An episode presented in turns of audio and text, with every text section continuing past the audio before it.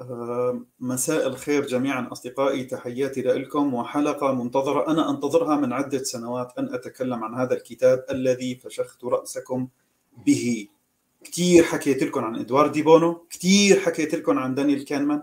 كثير نبهتكم بأنه كل ما بدنا نحكي شغلة اجتماعية تاريخية نفسر شغلات في قضايا سياسية. فجأة تلاقوني عمال بجيب أمثلة من الاقتصاد وبجيب سيرة علم الاقتصاد السلوكي وغيره. كنت أعتبر بأنه هذا الكتاب له رهبة وله هيبة. هذه الرهبة والهيبة وهذا الكتاب المهم على الأقل كثير بالنسبة لي. يعني يحتاج شخص آه، بثقل صديقنا بلال. مساء الخير يا أستاذ بلال كيف حالك؟ مساء الخير وصباح الخير للجميع. شكرا آه، شادي حبيبي شكرا على اللقاء الجميل. وفعلا الكتاب مهم مهم جدا جدا وأنا استمتعت بشكل كبير بقراءة الكتاب والتحليل والنقاط وإلى آخره. نعم هذا كتاب أكيد عميق وغميق وصعب وعلى قدر التكليف يأتي التشريف. فقلت هيك هيك كتاب ثقيل ويحتاج إلى إلى صبر. نعم. نحن نرميه على كاهل أستاذ بلال هو بيتحمل. هو بيتحمل أكيد شكرا. ماشي. طب معلش خليني أنا هيك أنطلق مشان الوقت نعم. الحلقة يكون مفيد كليته قدر الإمكان. طيب الكتاب لدانيال كالمان وهذا بحد ذاته مشكلة. ليش؟ يعني أنت هذا الكاتب إنك تقرأ عنه مجرد ما تحاول تتعرف عنه راح تلاقي حالك إنك سحت وتقعد تقرأ عن دانيال كالمان كثير راح تتفاجأ بأنه اسم صاحب الكتاب بحد ذاته هو شيء كبير. إي نعم. ولو نحن أكيد لا نحتكم للسلطة يعني بس ولكن دانيال كانمان شخص قوي كثير في هذا المجال. الرجل انولد في فلسطين. طبعا بنقل من ويكيبيديا العربية. انولد في فلسطين 1934 دكتوراه علم النفس أخذها في عام 1961 من جامعة بيركلي كاليفورنيا هلا انتبهوا لأسماء الجامعات بس. آه، درس في الجامعة العبرية في القدس منذ 1961 آه، وكان اختصاصه أو تدريسه عن الإدراك والانتباه البصري. وتنقل في عدة جامعات التخصصات اللي درس فيها. آه، ما راح أذكرها بس ولكن بين 65 و 66 في جامعة ميشيغان وكمان فيما بعد كامبريدج هارفارد ستانفورد. يعني أسماء مرعبة. أسماء كبيرة وكلياتها طبعا بس التفاصيل راح يقول لكم المركز البحثي السيكولوجي كذا كذا إلى آخره علم النفس التطبيقي في جامعة كذا. فيعني رجل زار كل ما هو يعني بالنسبة لنا هيك شيء مشرق على هذا الكوكب في, في الناحية البحثية. تشارك مع زميله عاموس تفيرسكي. في الأبحاث حتى عام 1979 وأنا ما أدري ما بعرف إذا معلومتي غلط انه هن اثنيناتهم اللي كتبوا عن التنافر المعرفي مقولة بال 76 إذا أنا آه، متذكر. وطبعا كان دراساتهم اثنيناتهم عن طريقة اتخاذ الأحكام كيف الإنسان يصدر الأحكام وقدم أطروحة في نظرية الاحتمالات اثنيناتهم بعام 79 طيب هي النظرية راح آه، شخص اسمه ثالر كتب منها استفاد منها وكتب ورقة علمية في 1980 اللي هي كانت تأسيس لعلم الاقتصاد السلوكي اللي أخذ عليه نوبل. طبعا دانيال كانمان نفسه أخذ عليه نوبل في عام 2002 أنا اللي بعرفه أخذه بعام 2014 بس هيك قريت بالويكيبيديا العربية حاليا. أنا اللي بعرفه وشبه متأكد منه إنه أخذه بال 2014 النوبل. بس المهم هذا هو أخذ نوبل في الاقتصاد علم في علم الاقتصاد مع أنه اختصاص علم نفس. يعني هو كل دراساته وكل اختصاصه علم نفس. لكن آه، النظرية اللي اشتهر بها هو وأيمس أو عاموس آه، تسمى ببروسبكت ثيوري وطبقوا هذه النظرية على علم الاقتصاد مع إنه هي نظرية يعني آه، علم نفس. لكن طبقوها على على الاقتصاد وشلون يعني يتصرف الشخص المختص. مثلا اللي في, في الاقتصاد مثلا اللي الشخص اللي يبيع ويشتري بالأسهم. يعني هذا كان أفضل مثال عندهم. ف يعني رأوا أن تطبيق هذه النظرية على كانت واقعية بشكل كبير وأدت إلى نتائج صحيحة أيضا بشكل كبير وهذا اللي ادى إلى أخذ جائزة نوبل للاقتصاد. نعم. طيب ما بعرف شو شو تعليقك عن عن عن هالشخصية يعني؟ أنا بشوف بأنه لها خصوصية يعني إنه نعم. ف هو طبعا شخصية مميزة جدا لأنه الأفكار اللي اللي الأفكار في علم النفس اللي جابها طبعا هو ليس أول إنسان مثلا يجيب أفكار مثل هذه لكنه أخذ الأفكار من من السابقين يعني كعادة كل العلماء وطور هذه الأفكار. تطور الأفكار وال يعني تركيز القوي على كيفية اتخاذ القرار، كيف يتخذ دماغ الإنسان القرار هنا التركيز يعني مهم جدا وظل يعني سنوات طويلة هو وايموس سنوات طويلة بس يركزون على كيف يتخذ القرار، كيف الدماغ الانساني يتخذ قرار. ومن هنا فالبحث والاختصاص يعني كان شيء آه، يعني مهم جدا في علم النفس آه، أكثر مما هو في علم الاقتصاد طبعا. آه، وهنا أهمية هذا الشخص. ممكن أنه يعني ممكن تكون أغلبية العرب ينفرون منه لأنه جنسيته إسرائيلي. آه، وهو من الإسرائيليين اللي أخذوا جائزة نوبل لكن أنا يعني بالنسبة لي كشخص يعني أتعلم وأطلب العلم آه، يعني أنا يهمني أكثر العلم نفسه والإنتاج العلمي للشخص وليست هوية الشخص أو آه، جنسية الشخص. فاللي يهمنا هو العلم اللي أتى به هذا الشخص واللي هو انتشر طبعا بالعالم كله وأفاد العالم كله. يعني هو لم يختصر آه، بالبحوث مثلا في الجامعة العبرية مثلا في القدس. آه، لكنه معظم الأبحاث اللي نشرها ومعظم الاختصاص والنظريات المهمة كلها كانت في أمريكا كما ذكر شادي. آه، فهو يعني قضى سنوات طويلة يعيش في أمريكا والبحوث والتجارب يعني كلها كما يذكرها بكتابه كلها في أمريكا. ف ولهذا يعني أعتقد أنه شيء مهم أن نتعلم، شيء مهم أن نتقبل علم أي إنسان مهما تكون جنسيته مهما يكون آه، منشأه مولده. آه، يعني أفضل أفضل شيء آه، أو أفضل مثال هو ميكيافيلي كتاب الأمير والذي يعتبر يعني كتاب يعلم الأمير شلون يصير دكتاتور وشلون يسيطر على الشعوب يعني بشكل شرير جدا. لكن الكتاب مهم جدا كعلم آه، ليس فلسفة ولكن علم اجتماع.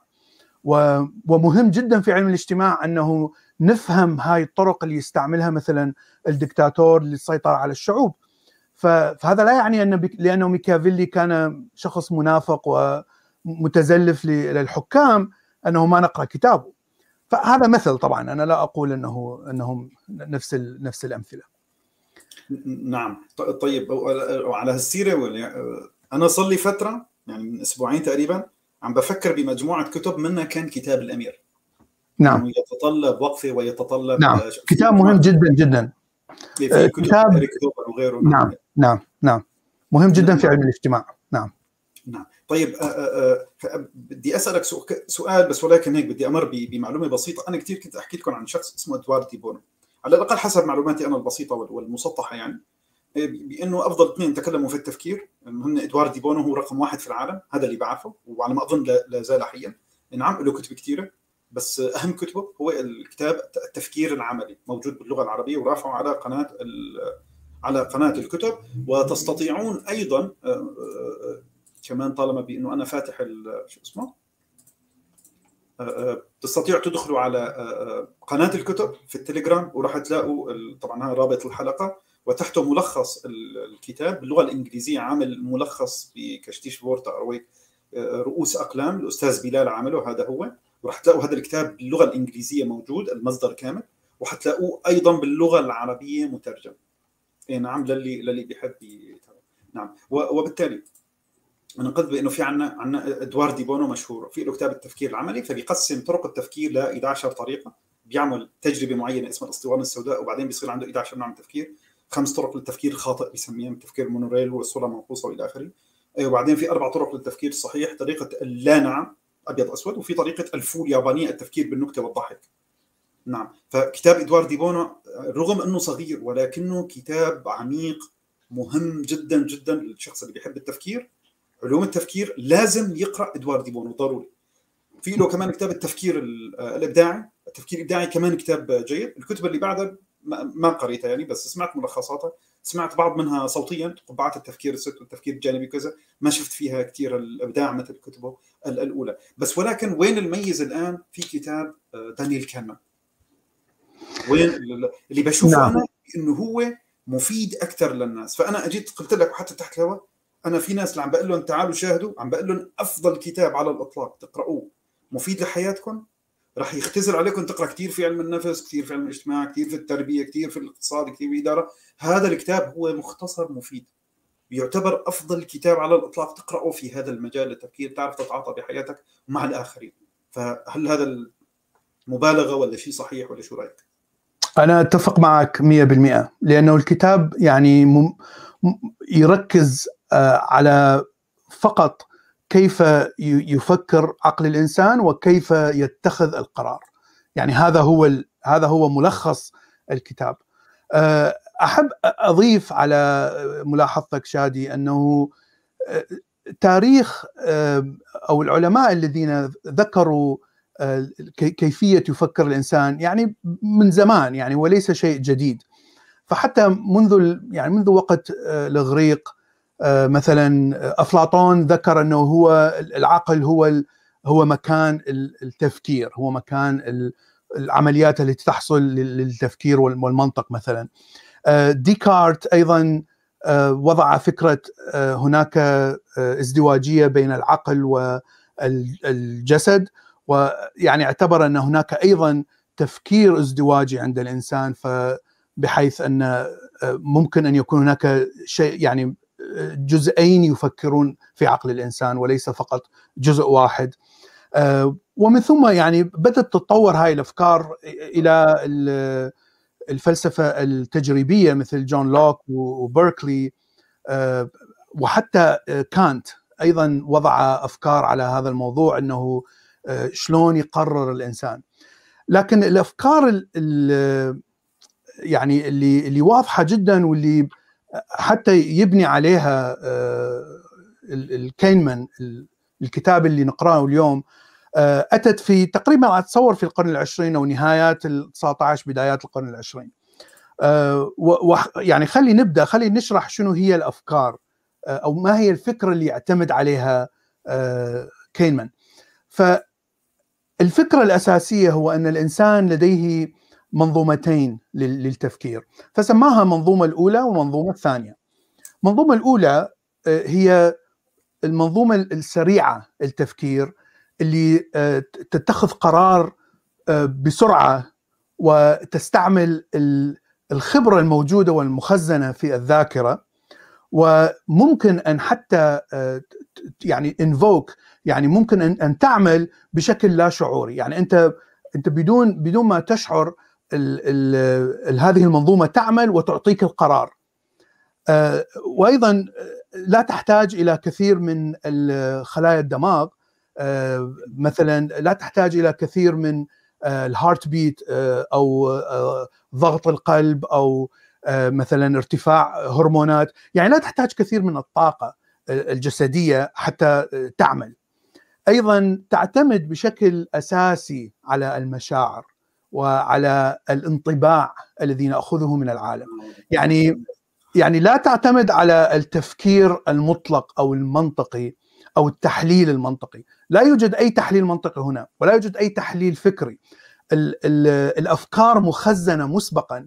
فهذا النظام فقط يربط ما بين هذه الأفكار وعندما يتعرف على فكرة معينة فهو يأخذ ما هي الربط مع الأفكار الأخرى ومن ثم يخرج بنتيجة سريعة.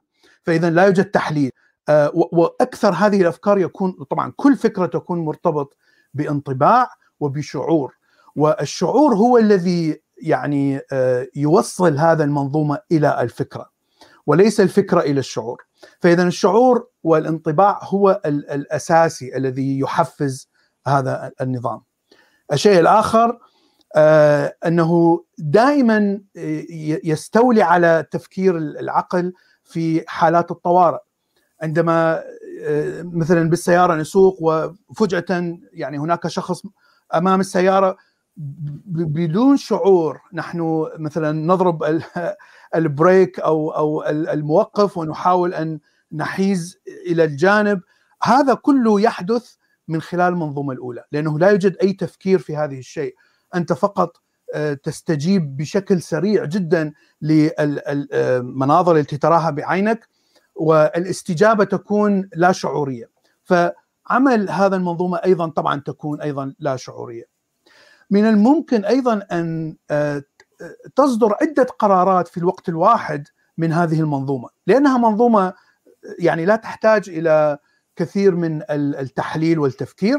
فاذا ممكن أن تعمل بشكل مزدوج آه، أو بشكل بارلل فمعنى معنى هذا إنه أنا ممكن أن آكل وبنفس الوقت أقرأ كتاب. طبعا كتاب خلينا نقول كتاب آه، بسيط وسلس وأستطيع أن أفهم بسهولة ما أقرأه.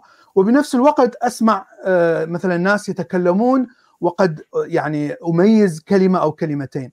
كل كل الأشياء الذي أفعلها يعني عملية الأكل، عملية المضغ، عملية تذوق، عملية قراءة الكلمات، عملية فهم وإدراك هذه الكلمات، عملية سماع الأصوات، هذه كلها تأتي من المنظومة الأولى لأنه شيء سهل جدا فمن الممكن أن أن نعمل به آه، عدة آه، آه، أعمال بنفس الوقت.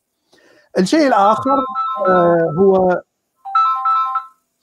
تعتمد يعني يستعمل في تقريبا 99% من حياتنا اليومية.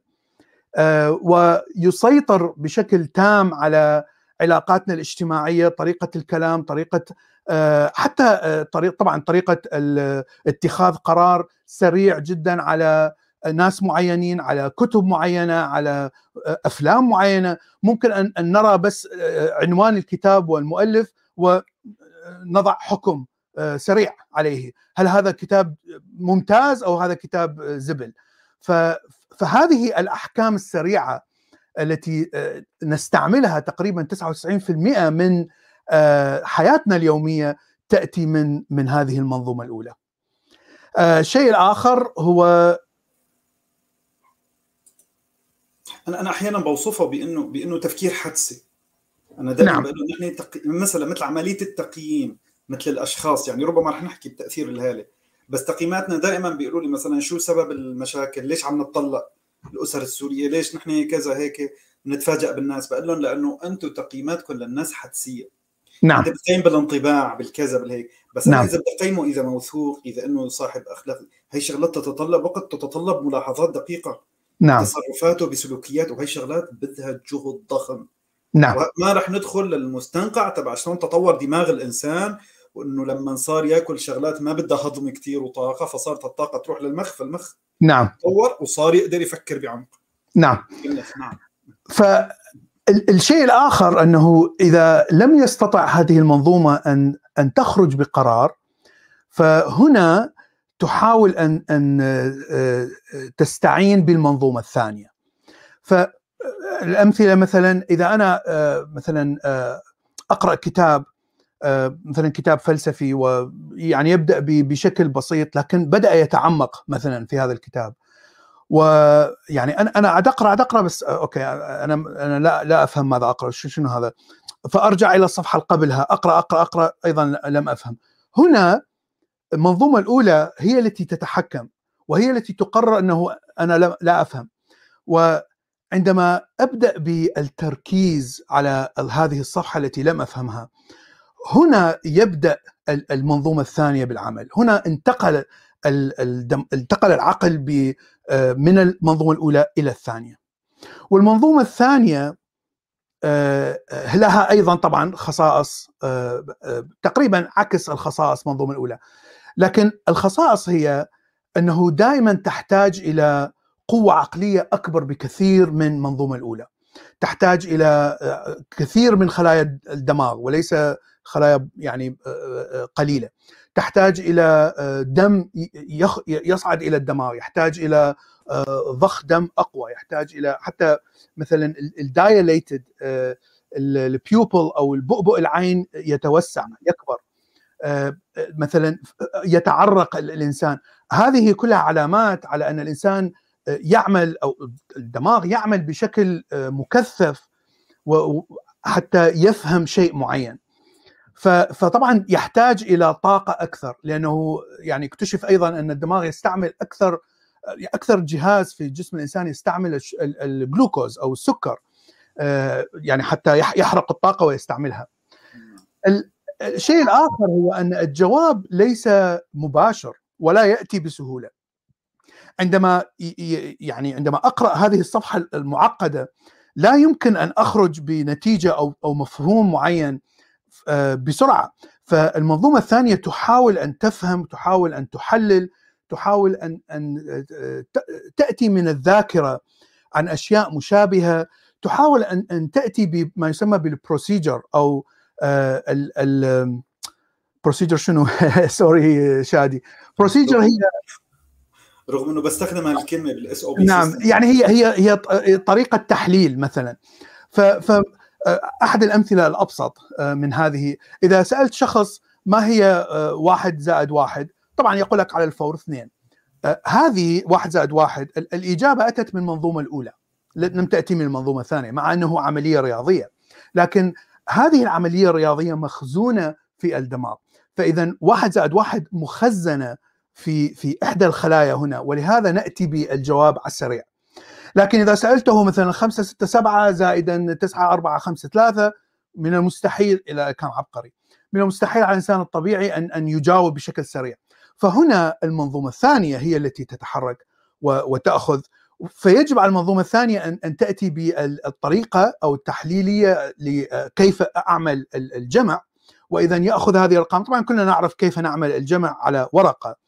لكن عملية الجمع على الورقة هذه هي الطريقة الثانية الإجراءات شكرا آه ف فيجب أن أن أن يأخذ يبحث عن الم... عن الذاكرة عن الإجراءات أو الطريقة حتى أستطيع أن أحل هذه المشكلة. ف ف فهذه أحد الأشياء الأساسية للمنظومه الثانية. أيضا آه يحتاج إلى تركيز، يحتاج إلى attention، يحتاج إلى اهتمام. إذا يعني لا تستطيع ان أن تفعل عدة عدة من من ال task من الإجراءات أو من الأعمال التي يعني تحتاج إلى المنظومة الثانية.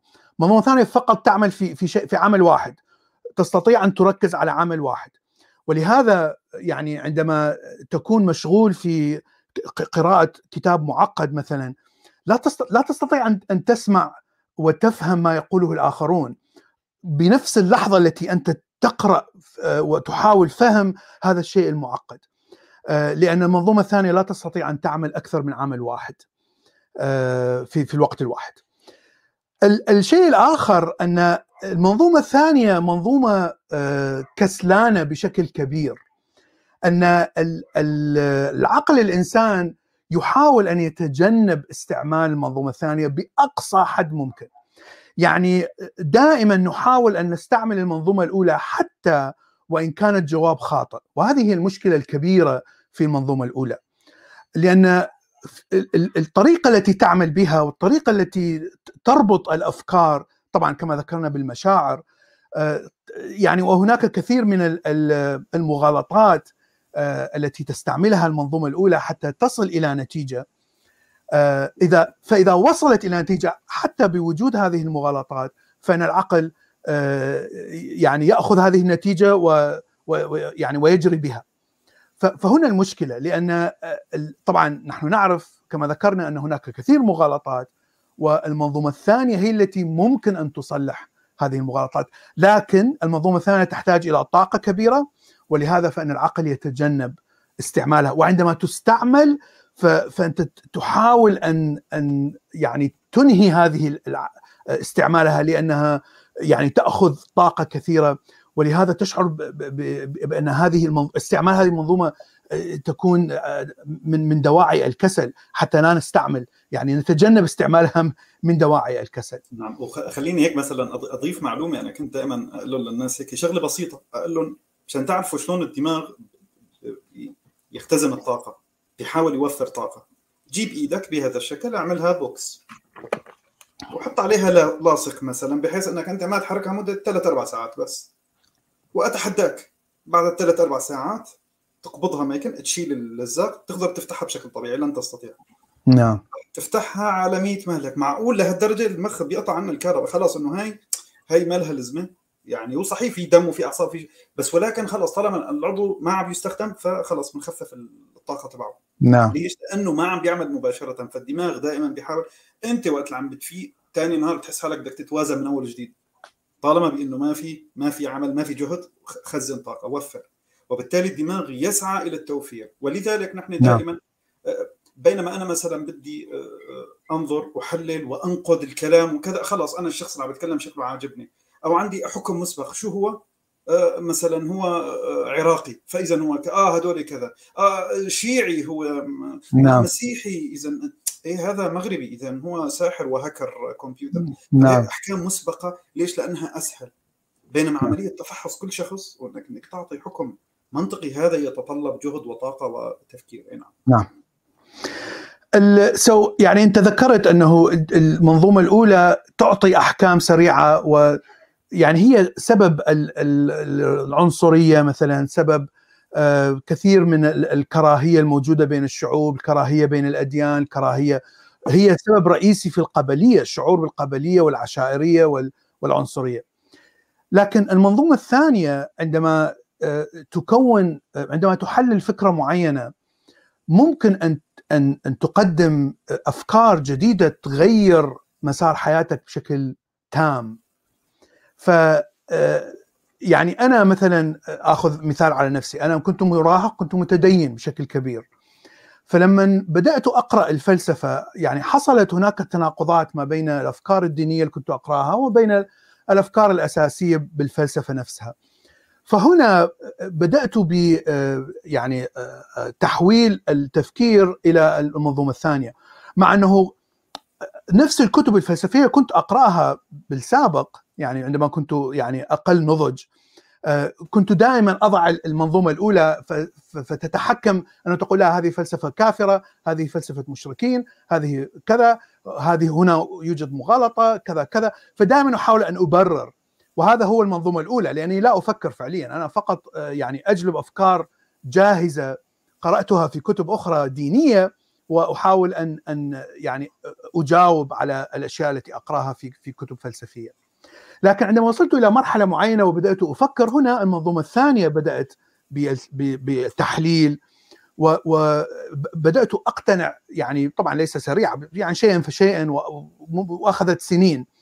لكن في النهاية المنظومة الثانية أعطت قرار بأن الفلسفة الدينية فيها كثير من التناقضات وهناك فلسفات إنسانية أفضل. وهذا هذه الفكرة يعني غيرت مسار حياتي بشكل آه، جذري. فإذا المنظومة الثانية تغير مسار الحياة وتغير الأفكار بشكل جذري. آه، وقد تحسن حياة الإنسان أو تسيء حياة الإنسان. قد تكون إنسان مسالم لكن تتعرف بناس معينين ويأخذوك في طريق إجرام طريق مثلا التشدد الديني طريق كذا وأيضا المنظومة الثانية هنا هي التي تبدأ بتحليل هذا الشيء ومن ثم تتغير مسار حياتك يتغير. فاذا المنظومة الثانية تؤثر بشكل جذري على الحياة لكن بشكل عام كما قلنا يعني تستعمل 1% لكن هذا الواحد في المئة يكون تأثيره أكبر بكثير. طيب طب خليني بس العفو منك بدي أعلق هنا بنقطة سريعة. نعم. فعلا نحن بنشوفه بيقولوا يعني بأنه 99 أو أكثر من البشر بيعيشوا بيموتوا بنفس الدين بنفس التوجه بنفس الفكرة بنفس ال ال ال النمط. طبعا ليش؟ لأنه هنا بيعيشوا على نمط التفكير السريع. إنه في عندهم إجابات جاهزة. من نعم. الأديان من الأعراف والتقاليد كل شيء في إجابات جاهزة وبالتالي ما بيصرفوا طاقة ما لهم بحاجة نعم. ليفكروا. وأمور خلاص كذا حرام كذا حلال كذا عيب كذا بيصير بتقدر تساوي كذا. ومع مع تبريرات كله بيمشي الحال. بينما أنك أنت تفكر بنمط التفكير البطيء هذا مرهق جدا. نعم. كل ما بدك تطرح موضوع حتى لو أنت كنت ما بتقبله بس أعطيني دليل ضده أعطيني قيمة أخلاقية تمنع هذا الشيء. آه كذا فلان شغلة. هي هل معلومة حقيقية؟ شو هي نعم. المصادر الموثوقة للعلم التجريبي؟ هل يوجد ريسيرش ارتكل هل أنت قرأتها بشكل جيد؟ هل يوجد ردود؟ إيه، عملية يعني تحتاج نعم. إلى جهد جبار إنك أنت نعم. كل معلومة إيه، هل هذه النقطه الفلسفية كناحية معرفية؟ الحدس الافتراضي أو الافتراضات أو النظريات هل هذا الكلام دقيق التفنيد أو التفنيد المعدل هل هذه اتفق عليها الفلاسفة هل قالوا كذا حوارات ضخمة مثلا. وتضطر نعم. إنك أنت كل شغلة تحاول تثبتها ما ترتكز على شيء غير مثبت ما نعم. ترتكز على شيء ميتافيزيقي أو هلامي أو حدسي نعم. هذا مرهق جدا نعم. بالتالي الغالبية بيعتمدوا إنه أنا ليش أنا كمرتضى منصور استفدت إيه؟ لا أنا بجيب إجابات جاهزة نعم وأنا ألخصها بالنكتة التالية إنه هي يعني العفو من الأخوة المؤمنين هي طريقة الإجابات على الأسئلة العميقة. هي بطريقة شخص أنت عم تسأله إنه 7 ضرب 7 98 طب 10 ضرب 15 4060 طب 12 ضرب 500 6722 ونص. نعم. الإجابات؟ كلها غلط. اي بس عم بجاوب بسرعة. شلون؟ المهم المهم إنه هو جاوب. إنه نعم. بغض النظر هلا هي صحيحه ما بتفرق. بس إنه هو عم يجاوب بثقة. وبسرعة. نعم. خلص يعني. نعم. تمام. فهي طريقة الأديان إجابات ساذجة سطحية متسرعة جدا. نعم. اسئله عميقة. وفي كثير طبعا بحياتنا الاجتماعية مش بس فقط الأديان يعني. عاداتنا نعم. التقاليد كثير من الأفكار المنتشرة. في هي الطريقة ليه؟ ونحن بنحبها يعني هي إجابات سطحية بس ولكن تناسب كسلنا الفكري. مثل نعم. العفو منك. آخر مثال أجيبه. ما بدي أقاطعك كثير فيروس كورونا. في واحد بيجي بيقول له هي مؤامرة. المؤامرة حلوة ما فيها جهد عقلي فيها سسبنس نعم. بدهم يدمروا العالم ويقتلون الفقراء والدول الغنية. واو حلوة. طيب يلا يا أستاذ بلال تفضل. أو يا أستاذ شادي أنا متخصص. أنا مشتغل في الادويه واختصاصي بالفيروسات والقصص هي شغلنا تفضل أقنعني بأنها مش مؤامرة. اقناعي لك مش مؤامرة مشكلة كبيرة لأنه تتطلب تفكير بطيء منك لأنه نعم. لك شغلات أكاديمية. نعم. لك ادويه ربما راح اضطر أشرح لك بعض الأمور. لأنه يستحيل يصنعوا فيروس. ليش؟ طب هذا سؤال تفصيلي يعني أنت اعتراضك تفصيلي يتطلب إجابات عميقة جدا في قضايا نعم. العلاقة بال replications كثير كثير شغلات نعم. بالتفاصيل النسخ نعم. وكذا يستحيل عملية التصحيح النسخ وكذا بالارتكاسيات وكذا وغيره الريترو فيروس فهي شغلات صعبة وصعب إنك تفهمها وبالتالي راح ترفضها بينما نعم. المؤامرة يا ما بدها جهد نعم. سريعا وبالتالي الأسهل إيه هي مؤامرة أما الطرف الثاني يتطلب تفكير بطيء نعم. تفكير تحليلي وهذا صعب. يهدر الطاقة يتطلب جهد ونحن نميل إلى الكسل الفكري. ولكن تعلمنا الآن من صديقنا بلال حكى لنا عن دانيال كانمان نحن نميل للكسل الفكري في النمط الثاني. الشيء المهم هو ليس فقط يعني بالتفكير الاجتماعي أو التفكير الديني أو تفكير فلسفي. هاي النظامين في كل شيء في حياتنا. يعني في كل أنواع التفكير. أنا إذا يعني عندي جهاز عفوا عندي جهاز معين وبدي أصلح هذا الجهاز في عطل وبدي أصلح. أيضا راح أستعمل النظام الأول بالأشياء التي تعلمته. ممكن أرتكب أخطاء كثيرة في تصليح هذا الجهاز. ف يعني النظرية هاي أو أو الفكرة هاي تطبق على كل شيء أو أو كل aspect كل شيء في في حياتنا. ليس فقط الأفكار أو يا ليس فقط الأفكار أو فلسفة أو دين. طيب نشرح ما هو ال system الأول أو المنظومة الأولى ويعني كيف تعمل؟ يعني ما هي الأشياء التي تجعلها تعمل ب... وما هي الطريقة التي تعمل بها؟ هناك طبعا هناك كثير من من التجارب اللي يذكرها الكتاب يعني مئات من التجارب لكن أنا أخذت يعني جزء من من هؤلاء التجارب وأحب أشرح كل تجربة وماذا تعني أو ماذا تثبت هذه التجربة.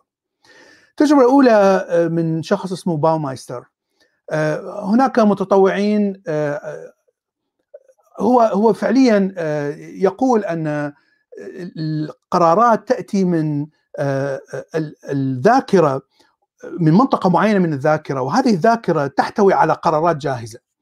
وهذه القرارات الجاهزة هي التي تخدم كل ال task أو الأشياء التي تتطلب من المنظومة الأولى ان أن تعمل.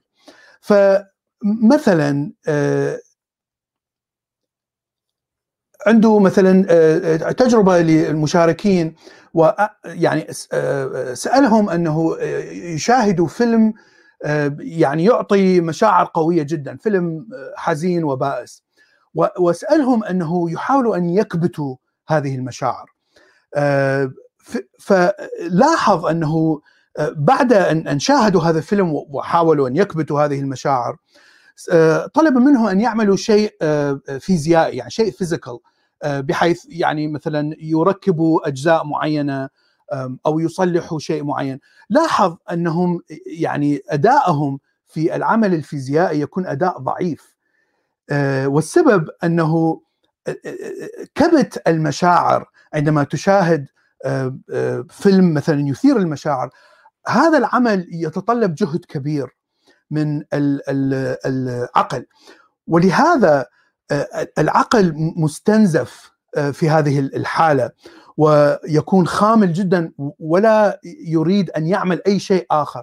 فعندما سألهم ان يفعلوا شيء معين أو أو يعني شيء فيزيائي معين لاحظ أنهم لم يعملوه بشكل جيد. مثلما يعملون نفس الشيء إذا لم يشاهدوا هذا الفيلم. فهذا الدليل على أن الدماغ كما ذكر شادي أنه دائما يحاول أن يتجنب العمل الذي يتكلف طاقة كبيرة. مثل طبعا المنظومة الثانية. فهذه تجربة واضحة تعطينا هذا الدليل. الشيء الآخر الشيء الثاني أن السيستم 1 أو المنظومة الأولى دائما يعني تربط الأفكار بالأحداث التي حدثت في نفس الوقت. وطبعا هذا الربط يكون موجود في الذاكرة وكما ذكرنا المشاعر حتى الرائحة اللي شميناها الأصوات اللي سمعناها الصور التي شفناها كلها تتخزن في الذاكرة مع هذه الإيفنت أو مع هذه الحدث الذي مر بنا. مثلا في في السابق. والمنظومة الأولى دائما تستعمل كل هذه الأحداث الصور تستعمل حتى الروائح الأصوات تستعملها في استنتاج قرارات أخرى. يعني مثلا أنا أمشي بالشارع وشفت شخص مثلا أسود يرتكب جريمة مثلا. فراح أربط فالدماغ يعني خزن صوت هذا الشخص الأسود صورة فكرة أنه الجنس كل الأسود مثلا. وهذا انربط بفكرة الجريمة مع أنه فكرة الجريمة ليس لها علاقة بالجنس الأفريقي مثلا. لا يوجد أي ربط بين الاثنين. لكن دماغك وضع هذا الربط نتيجة لوجود هذا الحدث. مع أن هذا الحدث هو شيء واحد يعني حدث في في حياتك. ولا يعني أن كل الأفارقة مجرمين لكن المشكلة أنك كلما سترى شخص من أفريقيا ستربط طبعا لا شعوريا ستربط هذا الشخص بفكرة الجريمة وستشعر بالحذر تجاه هذا الشخص. طبعا هذا بدون ما تشعر بدون ما أن تدرك أنك تشعر بالحذر. وستلاحظ أنك لا تتكلم بمودة مع مع هذا الشخص. حتى في المستقبل. فالمشكلة طبعا ليس فقط كما ذكرنا بالأشخاص ممكن أن تكون بالأصوات. إذا سمعت صوت لشخص من أفريقيا بالتليفون مثلا وطبعا ستتذكر هذه الحادثة لأن هذا الصوت يشبه هذا الصوت والمنظومه الأولى تعمل بالضبط نفس الربط وأيضا ستشعر بالحذر عندما تتكلم مع هذا الشخص.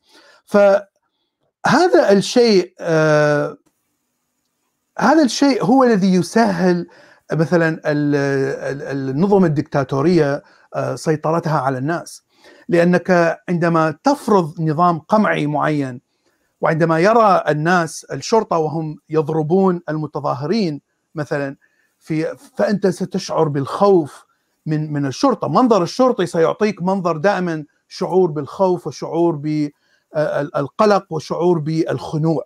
اذا أنا يجب أن لا أتكلم، يجب أن لا أتظاهر لأنه أتذكر صورة هذا الإنسان الذي يضرب وصورة هذا الإنسان الذي يتألم وقد ممكن أن يكون قد يموت.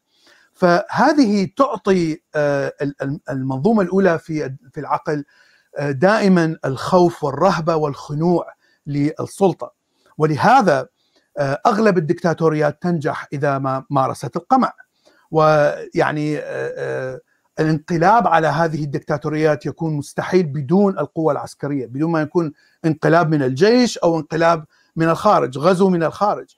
عادة الانقلاب السلمي مستحيل لا يمكن أن يحدث. ف... طيب هون كان في نقطة طبعا تحياتي للأستاذ رحاب أستاذ رحاب مختصة بعلم النفس يعني وعمل كلياته بعلم النفس وعلم الاجتماع يعني تحياتي لها يعني في لها مشاركات يعني. نعم بس أنا ما بستجر أرد على الأكاديميين يعني. حدودي نعم بس أنا طالما أنك أنت حكيت بدي أطلب منك طلب. إنه بدنا نعمل حلقة تكون مرجعية. أنا دارس في الإيحاء الشرطي كثير نعم. دارس فيه كثير مو شوي تطبيقيا وعسكريا وبمجالات كثيره يعني دارس فيه بشكل تطبيقي يعني. حابب نعمل حلقة مرجعية عن الإيحاء الشرطي. نعم. اذا ما بعرف إذا أنت مهتم فيه إذا عندك نعم نعم نعم أنا قرأت عليه. نعم نعم. إيش إيه؟ فخليني أذكر مثال بس واحد هيك. لازم ما يفوتنا هذا المثال بالقضايا الشرطية صنع الصور النمطية. هي باختصار. صنع نعم. الصور النمطية. مسلم فإذا هو إرهابي. نعم. مسلم فإذا عربي فإذا هو غبي. نعم. نحن هيك نقعد نضحك على بعضنا. نحن الألمان بيعاملونا بس يشوفك عربي غبي. نعم. يعني كيميائي نعم. غبي. ما يا أخي ما بتزبط. مستحيل. نعم. كيميائي غبي ما بتزبط يعني. نعم. لا خلص عنده صورة. مثلا أنا الصورة النمطيه اللي عندي عراقي فاذا هو عصبي. خمس ثواني بيعصب يشوف عمك بلال من أول حلقة معصب مثلا. نعم. مثلا إيه إيطالي فاذا هو جميل مثل صديقتنا رحاب الحسنات نعم. نعم. نعم. نفترض إيه يعني فالصور النمطية بس ولكن هون حتى الصور النمطية بشكلها الخبيث بشكلها يعني اللي هي فبيستخدموا هذا الإيحاء الشرطي هن بربطوا شغلتين ما لهم علاقة ببعض نهائيا. نعم نعم. الناس فعلا لما بيجوا بيضطروا يستخدموا المنظومة الثانية وبيحللوا الموضوع. هلأ هن بياخذوا بالنمطيات وبياخذوا بالأحكام المسبقة على الكل. نعم. واحد هن بيوقع بحكم مسبق وبصوره نمطية بيرجع يطلع طب أنتم شوفوا الهنود عملوا كذا ما حكيت معهم. طب نعم. الصينيين كذا ما بتحكوا معهم. طيب كذا المسيحيين ما بعرف إيش. طب ليش نحن الشيعة تقولوا عنا كذا؟ ففجأة بيصير نعم. عنده عقل تحليلي. نعم. عنده النمط الثاني بصير يفكر فيه فالحكومات والإعلام قذر في استخدام الربط الشرطي في صنع الصور النمطية وطبعا نعم. الصور النمطيه تحاكي التفكير السريع نعم ولو إنه غير منطقي بس ولكنه سريع فالانسان كل نعم. شيء فيه سريع أعطيني منه كل نعم. شيء وجبات سريعة للدماغ هذا الدماغ صحيح. عنده مشكلة شوف هو يذكر بالكتاب أن العقل الإنسان أو طبعا السيستم الأول أو النظام الأول يشكل صورة للعالم الخارجي. وهذه الصورة ال- ال- العالم الخارجي آه، تعطي دائما آه، صفات لكل شيء لكل شيء آه، تراه وتتعامل معه. ودائما هناك هناك تعريف هل هذا الشيء سيء أو جيد.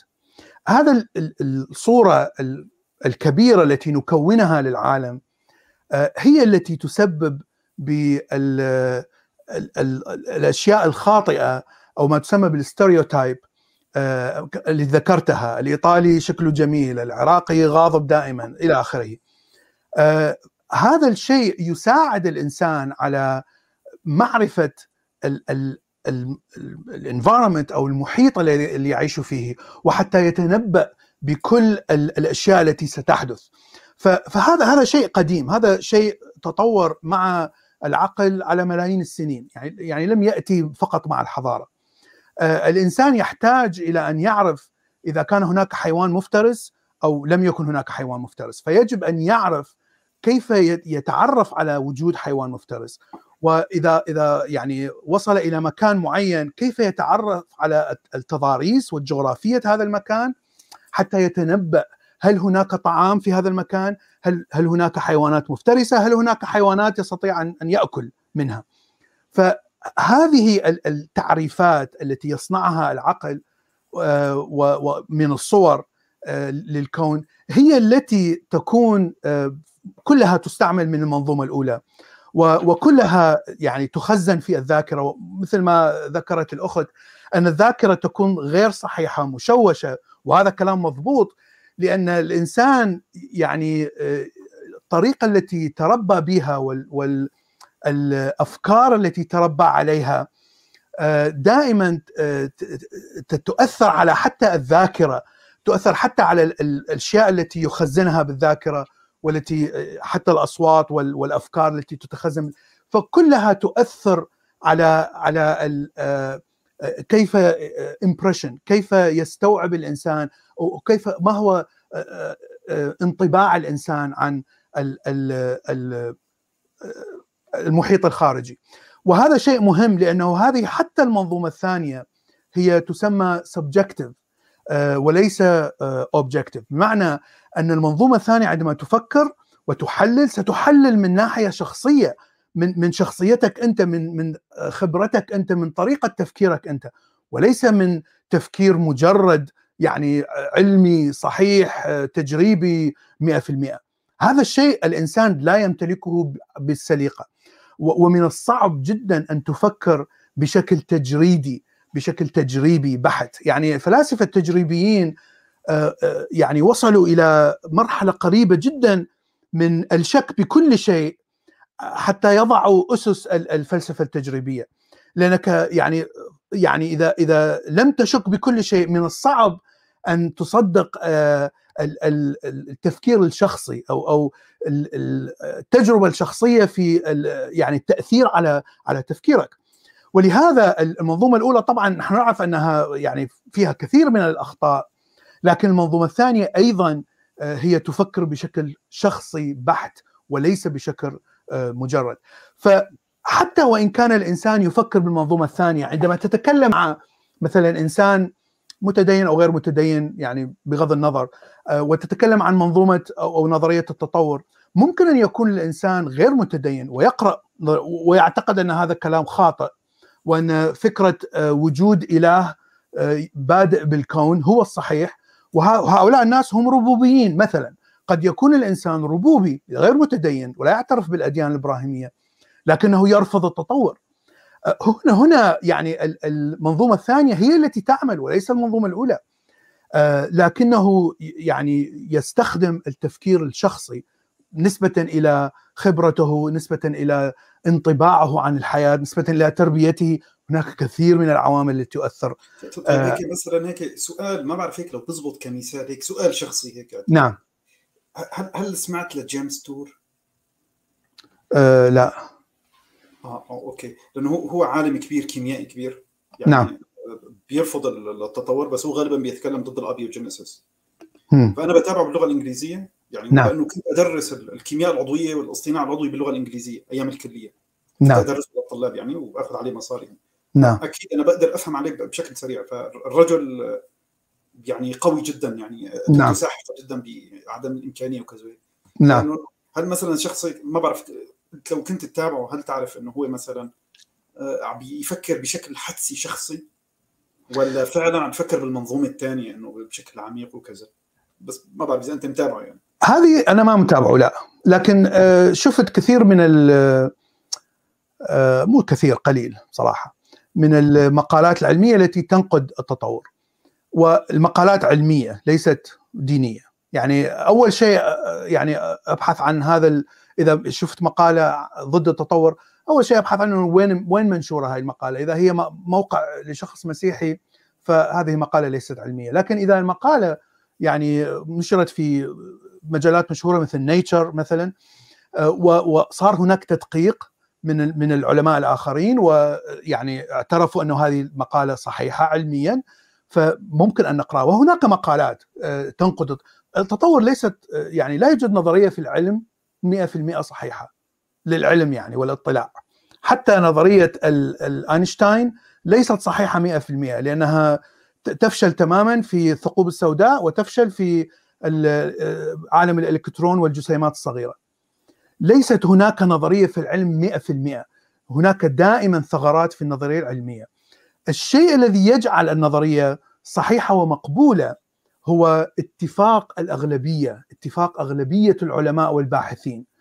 ليس اتفاق 100% وليس مثلا اقتناع الإنسان أو العالم 100% هذا ليس كلام علمي هذا كلام خرط هذا كلام ديني أو كلام يعني مجرد إيماني. ليس يوجد لا يوجد هناك شيء اسمه إيمان في العلم.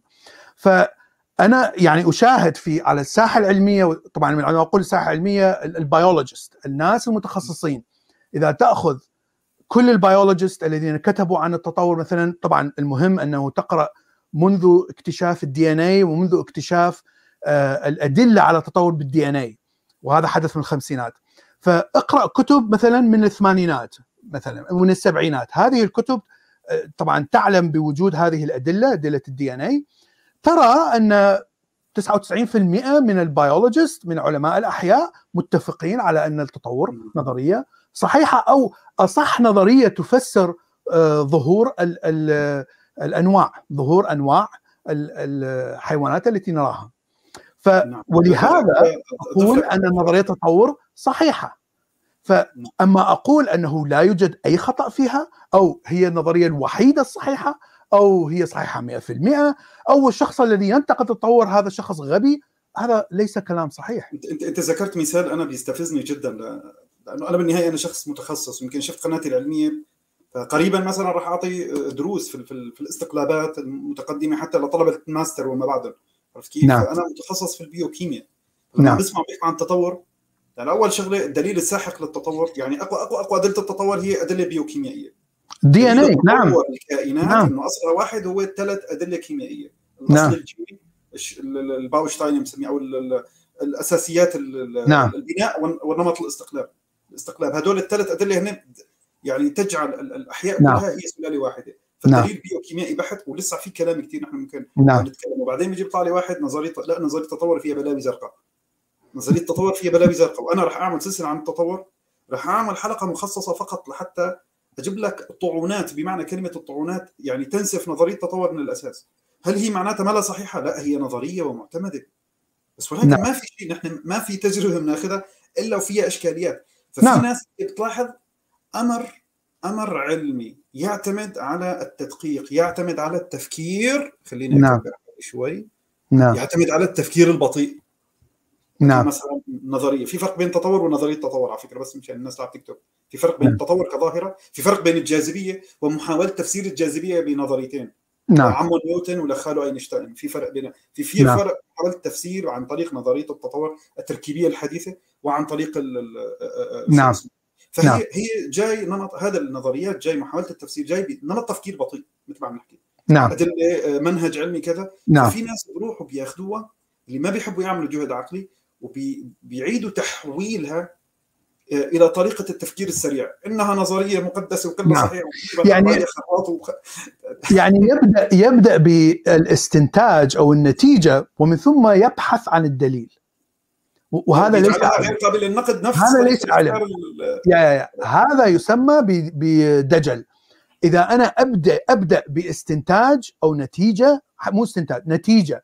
أنا أنا متأكد أن التطور خطأ. ففقط أبحث عن كيف أثبت أن هذا يسمى دجل وليس علم. أما إذا قلت أنا ممكن أن تكون التطور خطأ إذا خلي نجري تجربة وبناء على التجربة إذا نجحت فإن التطور صح إذا لم تنجح فإن التطور خطأ. إذا إذا أبدي بهالطريقة فهذه هي الطريقة العلمية. لكن المشكلة في المتدينين وال, وال يعني الشخص اللي اللي يحاول فقط يثبت الخطأ آه، طبعا يعني هذا ليس علم. أنت لا تتكلم بأسلوب علمي. نعم. طيب. حتى يعني هيك.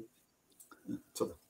طيب خلي خلينا نكمل. ف آه، هناك أشياء أخرى المنظومة الأولى بالتفكير أيضا تعاني منها.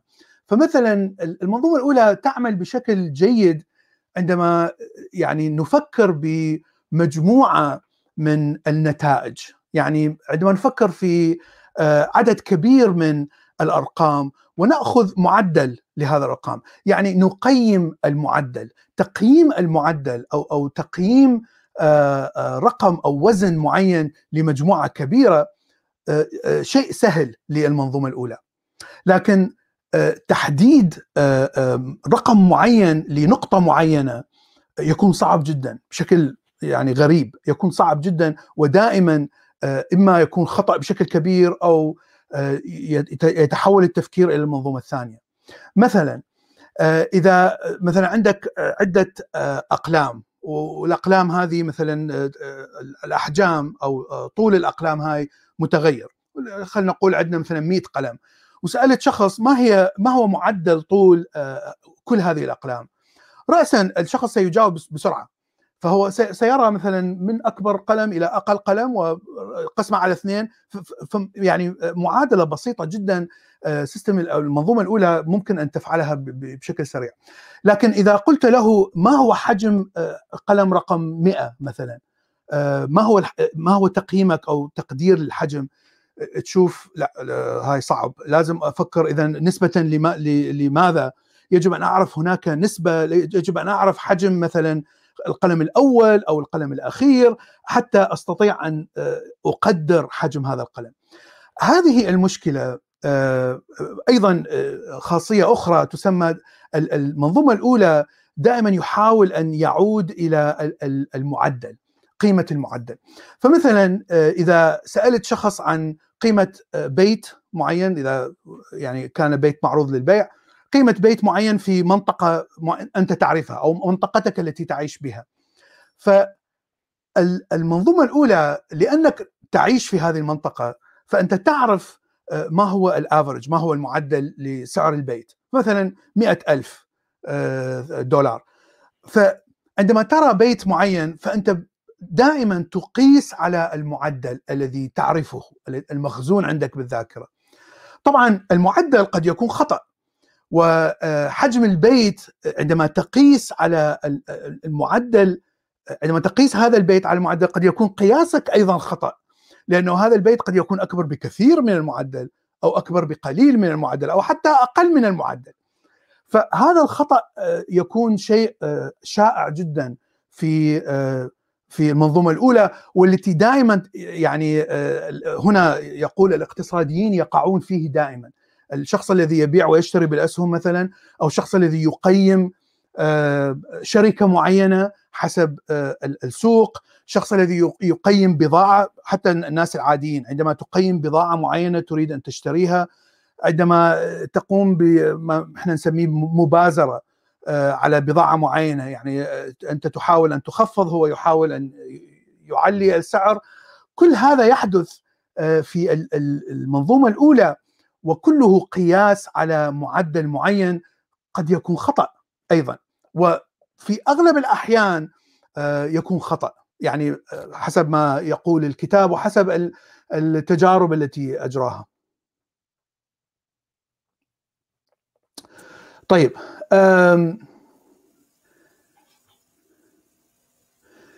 الشيء الآخر الشيء الآخر هو تحب تذكر شيء؟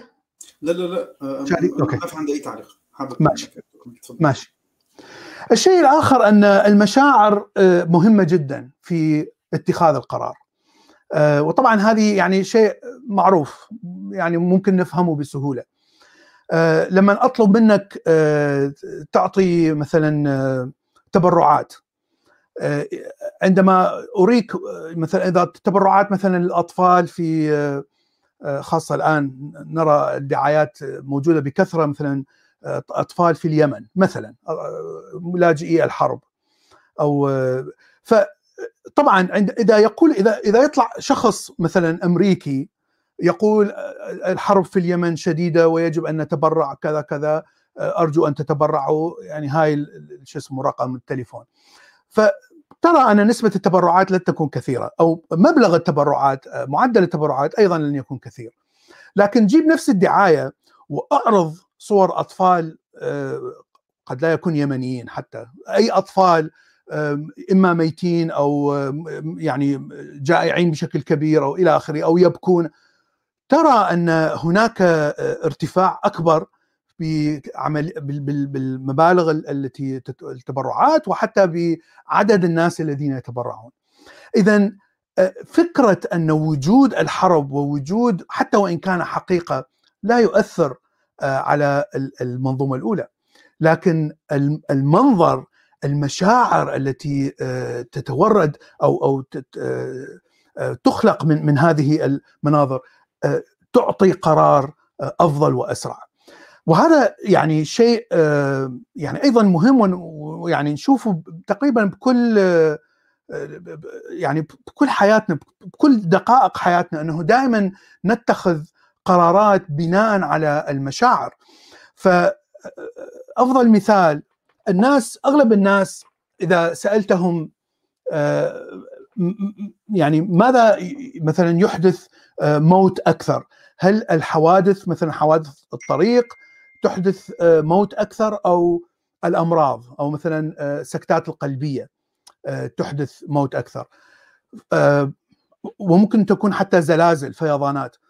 أغلب الناس 80% من الناس يقول الزلازل والبراكين والفيضانات آه، تقتل ناس أكثر بشكل طبيعي.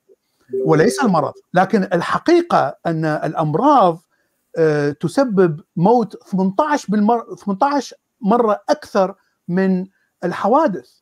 صدق أو لا تصدق. آه، السبب الأول للموت في على الأقل في أمريكا هو أمراض القلب السكته القلبية. واعتقد السبب الثاني ارتفاع الضغط. السبب الثالث هو السكر مرض السكر. يعني تشوف حوادث السيارات والى آخره يعني تأتي في الآخر. لكن لأنه الحوادث الفيضانات البراكين الزلازل تظهر في الأخبار تقريبا كل يوم والمشاهد التي نراها من هذه المآسي هي التي تتصدر العناوين دائما. طبعا الآن في ال social media هي بعد يعني أقوى بكثير من من السابق. فاذا هذه المناظر تعطينا مشاعر قوية جدا أكبر بكثير من خبر أن إنسان مات بسكتة قلبية. في في عملوا تجربة العفو منك تجربة سألوا الناس مين عدد سكانه أكبر العراق أم بنما؟ فالناس بتسمع دائما بالعراق العراق العراق. فمنطقيا انه العراق هي عدد سكان لازم طبعا حتى العراق كحجم هو أكبر من من بنما أعتقد. لكن بنما موجودة في التروبيك موجودة في الاستواء خط الاستوائي أو قريب من الخط الاستوائي ف, ف يعني كثافة الحياة هناك أكبر بكثير. من الدول التي تقع خارج المنطقة الاستوائية. فهذه يعني هذا الشيء أيضا يسبب قرارات خاطئة دائما للمنظومة الأولى. الشيء الآخر هو آه، عندما تسأل إنسان آه، اي أيه يخوفك أكثر من فكرة أنك ستموت بحادثة سيارة أو ستموت بقنبلة من من شخص تيرورست من شخص إرهابي. أول شيء يفكر هو طبعا الإرهابي، أنا يعني هذا هو الخوف الأول والأخير طبعا. حادث السيارة يعني هذا حادث. قد يحدث قد لا يحدث هو قدر قدر من الله طططا دائما كلام آه، غير علمي وليس له أي منطق وليس له أي آه، أساس. لأنه فعليا حوادث السيارات تقتل يعني آلاف المرات أكثر من آه، الحوادث الإرهابية. حتى في الدول التي تحدث فيها حوادث إرهابية. فالمشكلة أن فكرة أن هناك إنسان آه، لديه كره شخصي وعداء شخصي لي ويريد أن يقتلني هذه فكرة مخيفة إلى حد كبير بحيث دائما القرار الذي يأتي من المنظومة الأولى هو يجب أن أتحرس من من وجود هؤلاء الناس. لكن خلينا لكن خلينا نقول نعم. خلينا نقول لأنه بتحفزه المشاعر. أي شيء بيعطيك كثافة حسية نعم. طبيعي يكون له سلطة أقوى. أنا لما بجي آه، بتقول لي إرهابي. أنا حافظان كثير صور والحمد لله. عن الإرهاب. في أفلام في مسلسلات في نعم. قصص. موجودة في كل مكان. حتى ترسانة ضخمة. يا يا حتى حتى الأمريكان. يا حتى في أمريكا. طبعا موجودة في كل مكان. فالقرار أنه أنت تتحرس فقط من الإرهابي ولا تتحرس عندما تقود السيارة يعني فكره غير منطقية وغبية جدا يعني بصراحة. لأنه عندما تقود السيارة هناك احتمال كبير أنك ستموت آه، في حادثة سيارة إذا لم تكن منتبه بشكل كبير ولا تستعمل التليفون وتسوي text وتسوي يعني browsing كذا مع أنه كثير من الناس يعني لا يهتم بهذه الفكرة أنه احتمال الموت في السيارات هو أكبر بكثير من حوادث التيرست أو حوادث وحتى حوادث الطائرات. وهي هي حتى حوادث بالضبط. نفس الشيء. أنا كنت بدي أربطها بس في قصة في تجارب كثير عن التعاطف مثل ما أنت قلت. نعم. في مئة ألف واحد انقتلوا مثلا أو في مئة ألف واحد مهددين. رح تلاحظ قديش نعم. الناس رح يتبرعوا وقديش الناس رح يتعاطفوا عدد. ولكن يوجد طفلة هالطفلة اسمها سارة وليكن عمرها خمس نعم. سنين لبسها كذا كذا لاحظ إنه هالقصة ولو إنها قصة بنت واحدة ولكنها تعطي مشاعر المشاعر نعم. هي التي تحفز نمط التفكير الأول اللي نعم. بيعطي مشاعر أكثر بيكسب ولذلك دائما هلأ حتى معروف اللي بيحكي بأسلوب عاطفي واللي بيحكي بأسلوب منطقي من الذي ينتصر؟ العاطفي هاي ينتصر إيش إيه على على فكرة مثلا آه، عندما فتحت ألمانيا الأبواب للاجئين السوريين آه هذا حدث بعدما ظهر الفيديو التي مات مأساة مأساة الفيديو التي آه يظهر فيه الطفل وهو ميت على الشواطئ أعتقد شواطئ يونان. فعندما ظهر هذا الفيديو وانتشر في كل مكان قررت انجela ميركل أن تفتح الحدود للاجئين السوريين. يعني قرارها لم يكن منظومة ثانية كان منظومة أولى بحتة. لا ربما ف... استغلت. لا العفو منك. أنا أظن هي ميركل كيميائية ما أظن إنه تمر عليه. أنا أظن بإنه هن بحاجة شيء معين واستغلوا بإنه في شيء محفز عند الناس. يعني ممكن أن لا. يعني تقبل الناس لفكرة أنه نقبل بمليونين لاجئ سوري أصبح ممكن بوجود هذه الصورة أو هذا مع أنه يعني شيء مأساوي. يعني المأساة حدثت قبل قبل ظهور هذا الفيديو ب... ب... وهناك مئات من الناس الذين ماتوا يعني غرقا. لكن يعني احتاجينا لهذه الصورة حتى حتى نرضي الناس في ألمانيا أنه يتقبلوا هذا الشيء. نعم ف... وعلى فكرة وخليني حتى أنا آسف عم بقاطعك كثير بس نعم ولكن نعم بسبب نعم. إنه أغلب الناس وهي بتشوفها حتى بعلوم الإدارة عملية التغيير في أي منظومة دائما تواجه بما يسمى بالرفض التلقائي للتغيير. فالناس نعم. بشكل تلقائي عندهم رفض تلقائي للتغيير. نعم. التنويريين لما بيحكوا شو هي شروط التنوير في أي بلد؟ ما ما شرط تقول والله الناس تكون مثقفة وواعيه مثقفة وواعيه ما لهم بحاجه لتنوير عرفت كيف؟ طب إيش هذا؟ لازم يكون في انخفاض بمستوى الرفض التلقائي للتغيير. نعم. انخفاض. لو الناس بترفض ولكن يكون منخفض. هلا مثل أنت بتناقش واحد عربي في العموم وهي صورة نمطية أوكي يعني.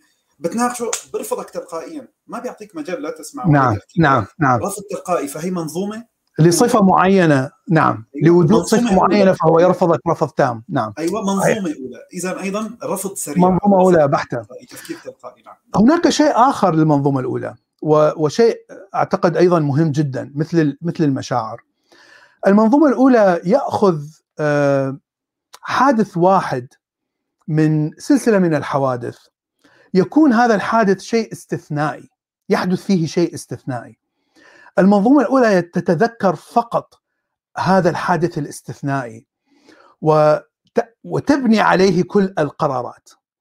بمعنى إذا أنا كنت متدين ويعني نحن نعرف أن من ندعي مثلا الدعاء للإله أو للشيوخ أو للقديسين أو إلى آخره يعطي طاقة إيجابية، يعني أنا أشعر بانه شيء ما أو إله ما يسمعني. فهو يعني شيء مريح نفسيا. فحتى لو يعني أنا كنت مثلا شخص متعلم وأعرف أن حدوث الأشياء هو احتمالات لا أكثر لكن عملية الدعاء شيء مريح نفسيا. فأنا دائما أدعي ويعني حدث مثلا أنني ذهبت إلى صديقي في المستشفى والطبيب يقول لي أنه هذا سرطان وكذا ومنتهي وسيموت إلى آخره. وأنا دعيت مثلا في في هذا الوقت وبعد ساعة أو بعد يوم أو بعد أسبوع يجي الطبيب ويقول لي معجزة لا نعرف لماذا لكن المريض بدأ يتعافى وبدأ يستجيب على الأدوية وإلى آخره. والمريض أصبح جيدا طبعا هذا الحادث هو ليس كذب يعني هو حدث معي. فأنا يعني أنا لا يمكن أن أكذب على نفسي. أنا فعلا دعيت وفعلا أصبح هناك شيء يعني غير واقعي حدث. آه ال ال ال الشيء الذي سأتذكره من الحادثة هاي كلها أو المنظومة الأولى أن الدعاء دائما يجلب الشفاء أو أن الدعاء لهذا الإله سيجلب الشفاء هو أن هذا الاله موجود حقيقة وليس آه، خيال. وهذا هو الدليل على وجود هذا الإله. قد يكون دليل شخصي. أنا لا أستطيع أن أقنع شخص آخر لأنه هذا حدث معي. هذه تجربة شخصية. المشكلة في هذه آه، المغالطة في المنظومة الأولى أنك تأخذ فقط حادثة واحدة ولا تأخذ كل الحوادث التي حدثت معك عندما دعيت لشفاء مرض معين ولم يحدث أي شيء وقد يموت الشخص الذي دعيت له. فإذا تأخذ آه، آه، عملية وطبعا الشيء العلمي أنك لا تأخذ بنتيجة تجربة واحدة أنت تأخذ تأخذ تعمل عدة تجارب وكلما زيدت عدد التجارب كلما اقتربت من الحل الصحيح أو اقتربت من من احتماليه النتيجة الصحيحة. فاذا إذا أخذت مئة مرة دعيت بها وكانت أغلبية هذه المرات أن دعائك لم يفيد وفعلا آه، المريض مات. اذا هذه هذه حالة استثنائية. هذه ليست حالة آه، أستطيع أن أقيس عليها أو أستطيع أن أبني عليها قوانين أو أعطي قوانين. وهذه مغالطة التي دائما يبني عليها تبني عليها المنظومة الأولى في العقل. لأنك دائما تتذكر الشيء الاستثنائي الذي يوافق طبعا يوافق الإيمان يوافق الأفكار يوافق العقائد التي آه، يعني آه، نشأت عليها. وهذه الحالة الاستثنائية تعتبرها شيء علمي وتعتبرها شيء صحيح ومجرب وتجربة صحيحة وتبني عليها أساس يعني أساسات كلها خاطئة. تنجذب لما هو عاطفي مثل كأنه تسقط بناية فماتوا كل الناس وفي طفل سبحان الله الحجرة نعم. جاي فوق رأسه وما مات، طب ماتوا نعم. 50 واحد يعني نعم لكن لا لا لا أنت شوف شوف هذا هذا مثال جيد لأنه لأنه حصل كثير بالموصل مثلا عندما صار القصف والمعارك ما بين الحكومة وبين داعش دائما الناس يقولون تحطمت كل شيء ما عدا الجامع ما عدا المئذنة ما عدا طفل ما عدا تتتا لأن الله حماه من الكلام.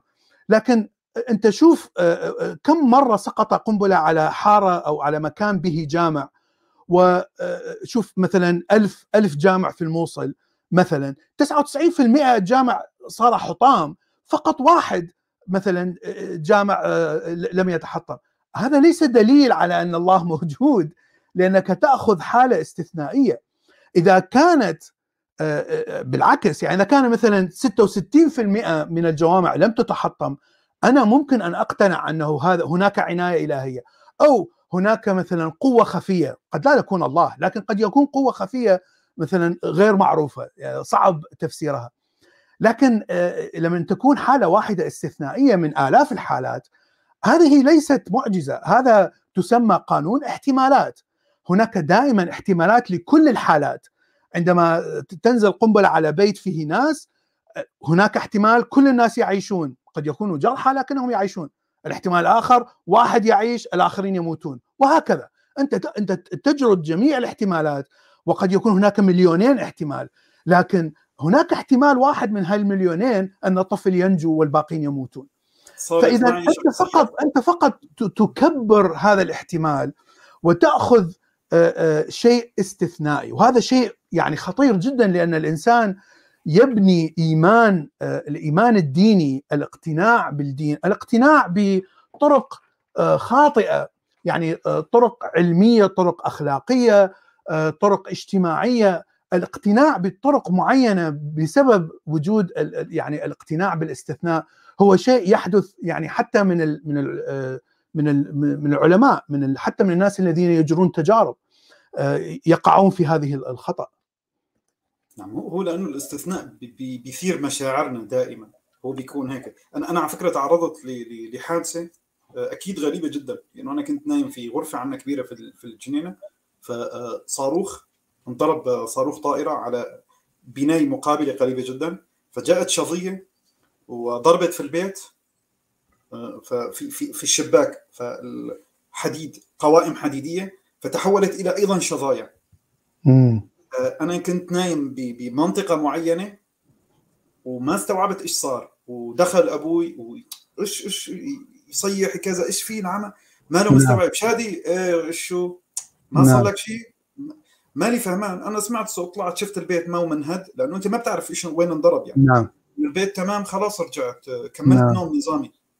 بس فيما بعد أنا أصبت بالرعب الشظايح حوالي هون هون هون واو نعم. حديد نعم الخزانه مدمرة بأجزاء كبيرة يعني شظايح حوالي يمين يسار وأنا في النص نعم. ما أصبت بأي شيء بس نعم. الغريب نعم. إني أنا ما اعتبرت عيني إلهية بهذاك الوقت رغم إنه أنا كنت من المؤمنين جدا ومن حفظة كتاب الله يعني نعم بس اعتبرت إنه احتمالية يعني نعم.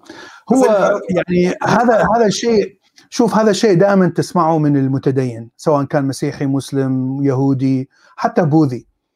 دائما يقول أن يعني أنا أؤمن بالإله لأني لأني شعرت بوجوده أو لأنه أثبت لي أنه موجود لأنه حدثت واحد اثنين ثلاثة معي.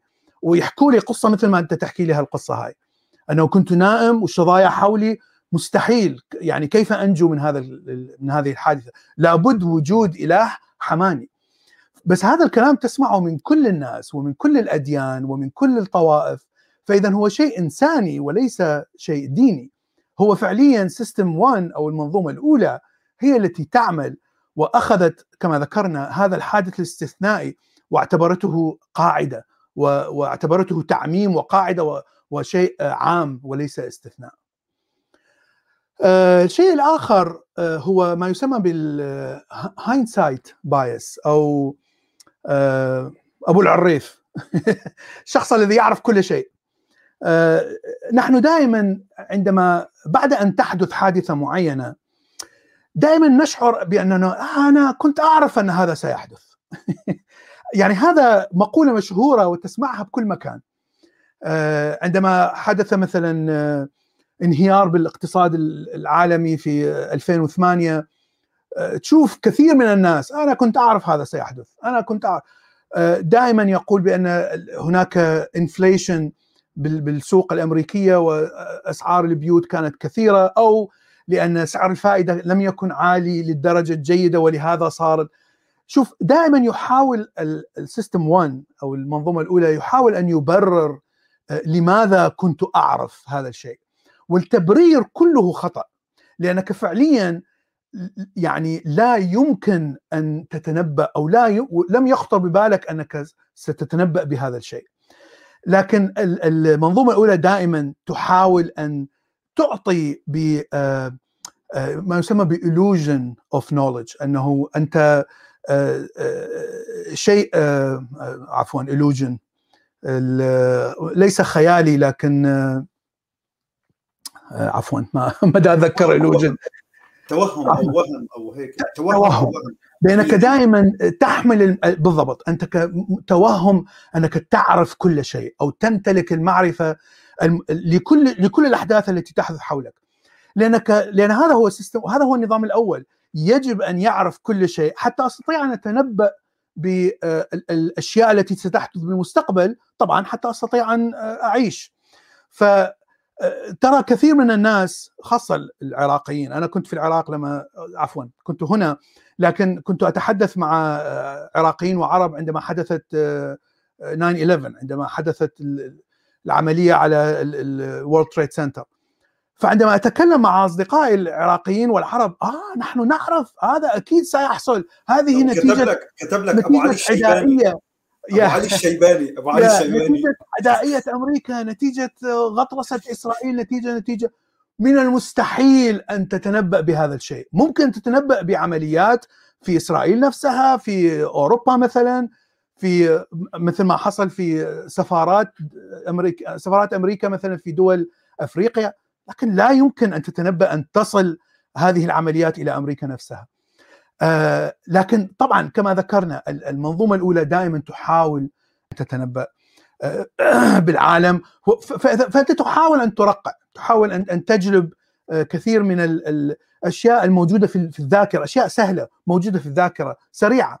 فأجلب هذه الدلائل حتى يعني أبرر هذا الشيء. طيب آخر شيء أحب أن أتكلم عنه هو البروسبكت theory أو ما بعرف يعني prospect شنو بالعربي شادي لأنه هذه هذه هي النظرية الاقتصادية اللي اللي بنى اللي بنى عليها prospect آه، احتمالية يمكن هي نفس قصدك نظرية الاحتمالية أو هيك؟ احتمالية prospect مو احتمالية probability احتمالية. يا ممكن خلينا نسميها احتمالية ماشي. امكانيه أو إمكانية يا إمكانية أو يا. ف كما ذكرنا آه، المؤلف أخذ نوبل على بالاقتصاد. فتطبيق فكرة سيستم 1 على كيفية آه، آه، كيف يتخذ الشخص الاقتصادي القرار ب إما يعني شراء الأسهم أو آه، كيف يقيم الشركات يقيم الاقتصاد تقييم الفائدة. كل هذه القرارات طبعا تكون قرارات مهمة جدا لأنه يتحكم بآلاف وملايين من من الأموال من المستثمرين. فهنا يعني وضع نظرية أن الشخص الإكسبرت أو الشخص الخبير أو يعتبر نفسه خبير في أي مجال مو بس الاقتصاد. يرتكب دائما أخطاء كثيرة بسبب وجود المنظومة الأولى. آه، لأن أنت تعتبر نفسك خبير فأنت لا تحتاج أن تفكر أو أو تحلل بتفكير عميق أي شيء أو أي سؤال أو أي مشكلة. آه، فأنت تستخدم آه، الخبرة التي اكتسبتها. طبعا الخبرة يعني موجودة في الذاكرة. فتستخدم هذه الخبرة للخروج بقرارات سريعة بمشكلة المنظومة الأولى. فهذه هي المشكلة أو المصيبة التي يقع فيها الإنسان الخبير ويقع فيها طبعا الخبراء الاقتصاديين أو الشخص الذي يتداول عملات أو أو أسهم في السوق. فيقول أن يعني هذه النظرية أنه نحن دائما نتجه أو ال system الأول يتجه إلى أخذ بال risk أو يكون أكثر جرأة عندما يكون هناك احتمال خسارة. إذا لم يكن هناك احتمال خسارة فإننا نأخذ بالطريق الأمان. لا أحاول أن أن آخذ أي شيء يعني بجرأة أو risk. آخذ أي شيء يعني ما هو risk؟ بالعربي شادي. مخاطره أو هيك. إيه إيه يعني إيه يعني لا أحاول أن أخاطر مثلا. المخاطرة تأتي فقط عندما يكون هناك احتمال للخسارة. وهذه وهذا الشيء مثبت بالتجارب. يعني جابوا ناس وأعطوهم يعني ماذا تفعل إذا كان عندك مثلا إذا أنت ستربح X مبلغ من المال أو احتمالية أنه تخسر Y مبلغ من المال. فرأسا ما دام أكو هناك احتمال ربح فأنا آخذ الربح آخذ الشيء الأمين. إذا كان هناك شيء اسمه أخسر إما أخسر 10 دولارات أو أو أخ أو احتمالية خسارة 50% احتمال أخسر 1000 دولار ماذا سأفعل؟ يذهب إلى ال risk يذهب إلى يعني المخاطرة ولا يأخذ بالشيء الأمين انه فقط راح أخسر 100 لكن لا maybe أخسر ألف و maybe ويجوز أنا أبقي هاي ألف. إذا سأخاطر. فالإنسان يخاطر أكثر في مرح... إذا كان هناك خسارة. وهذا يعني شيء يعتبر خطير و... ومشكلة في الاقتصاد لأنك ستتعامل بريسك أكثر أو بمخاطرة أكثر عندما يكون مثلا احتمالية الخسارة أكثر. النتيجة أنك ستخسر أكثر قد تخسر أكثر. و... نعم أنا هلا أنا أنا لا خليني هون بهالنقطة. هلا في نعم. في أنا حتى كنت كنت كاتب لك هلا عدة شغلات لأنه أنا حابب إنه حضرتك أنت تعمل فيها حلقات. يعني أنت نعم. بقناتك ونحن نشاهد أنت تعمل البحث ونحن نتعلم منك يعني. نعم. قضية الخوف والترغيب. ولكن أنا عم بحكي عن المستهلك وليس عن الشخص اللي هو مختص مثل ما أنت عم بتقول. نعم. طبعا هي هي تطبق على المستهلك أيضا يعني تطبق على كل الناس.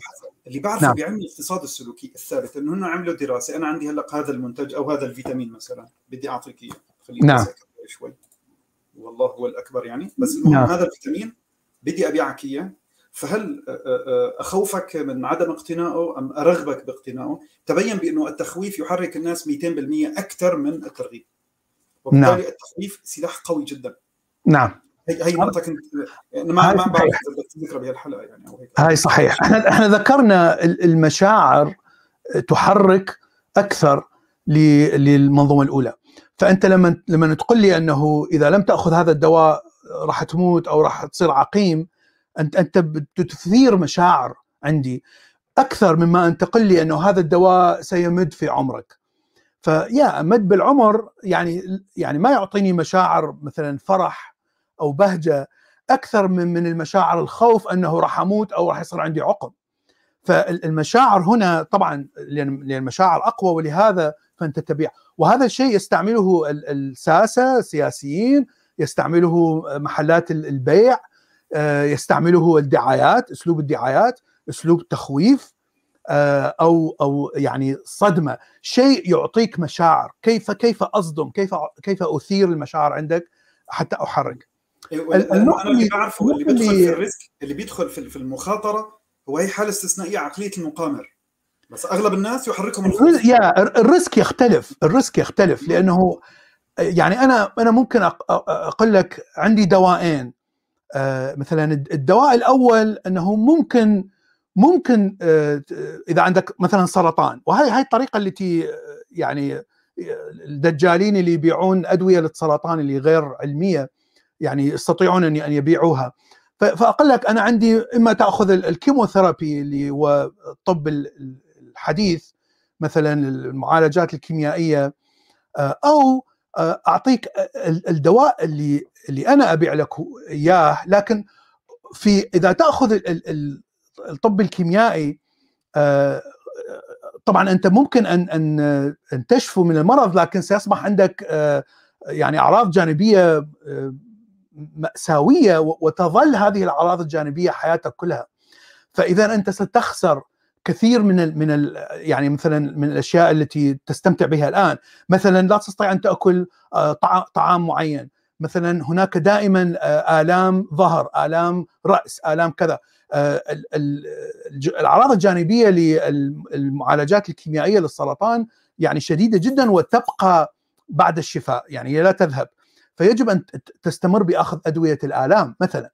ف فهنا أنت أنت تعطي خسارة أو توحي بأنك ستخسر. لكن إذا تأخذ دوائي أنا هناك 50% احتمال أنك ستشفى من من السرطان بدون هذه الأعراض الجانبية. لكن هناك احتمال أنك ستموت. من السرطان ولا تشفى.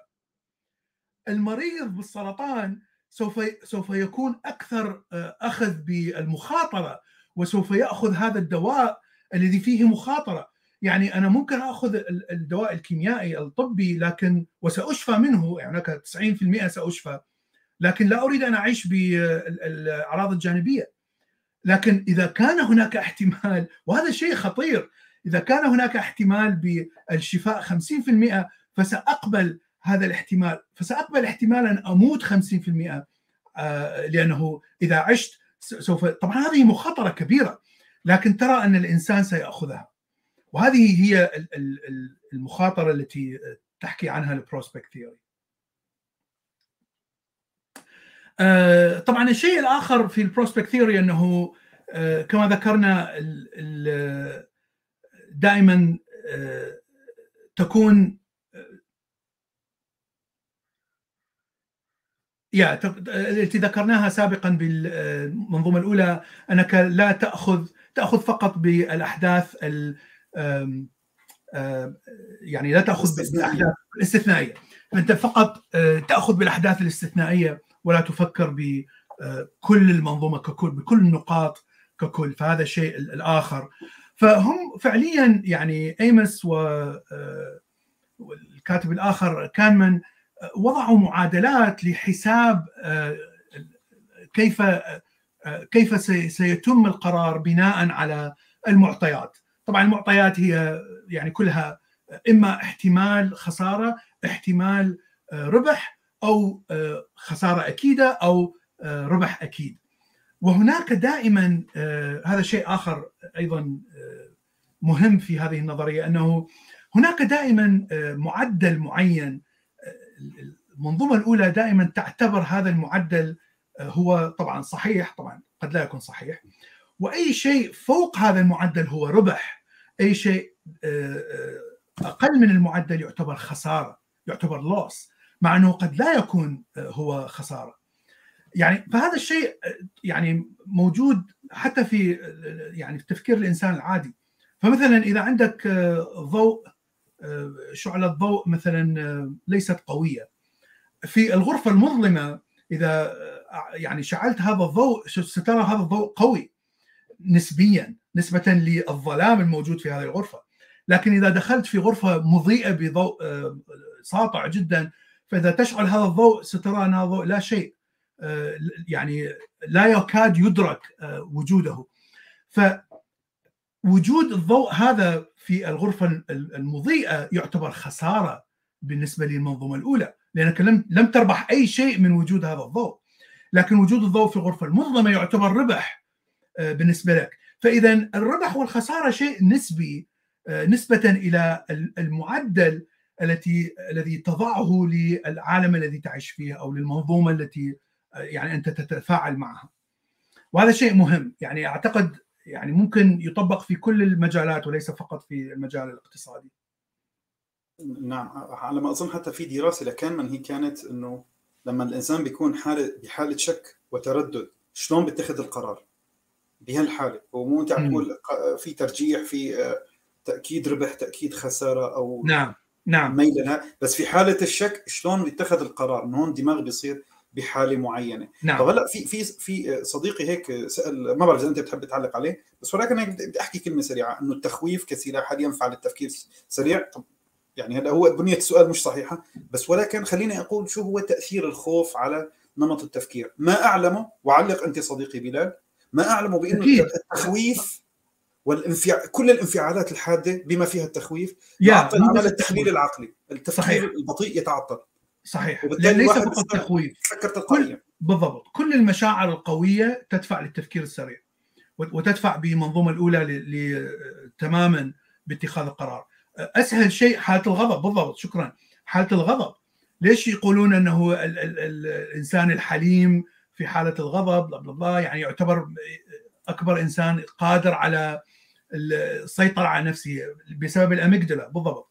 ف فمو بس مشاعر المشاعر الغضب خوف الحب السعادة النشوة كل هذه المشاعر تؤثر بشكل كبير وتعطي المنظومة الأولى الأسبقية في اتخاذ القرار. ولذلك ولذلك إضافة في العلوم القيادية نحن في عندنا ثلاث مدارس قيادية السيماتيه اللي يقدم شيء الموقفية والتفاعلية نحن حاليا بالمدرسة التفاعلية وكل وحدة لها مدارس.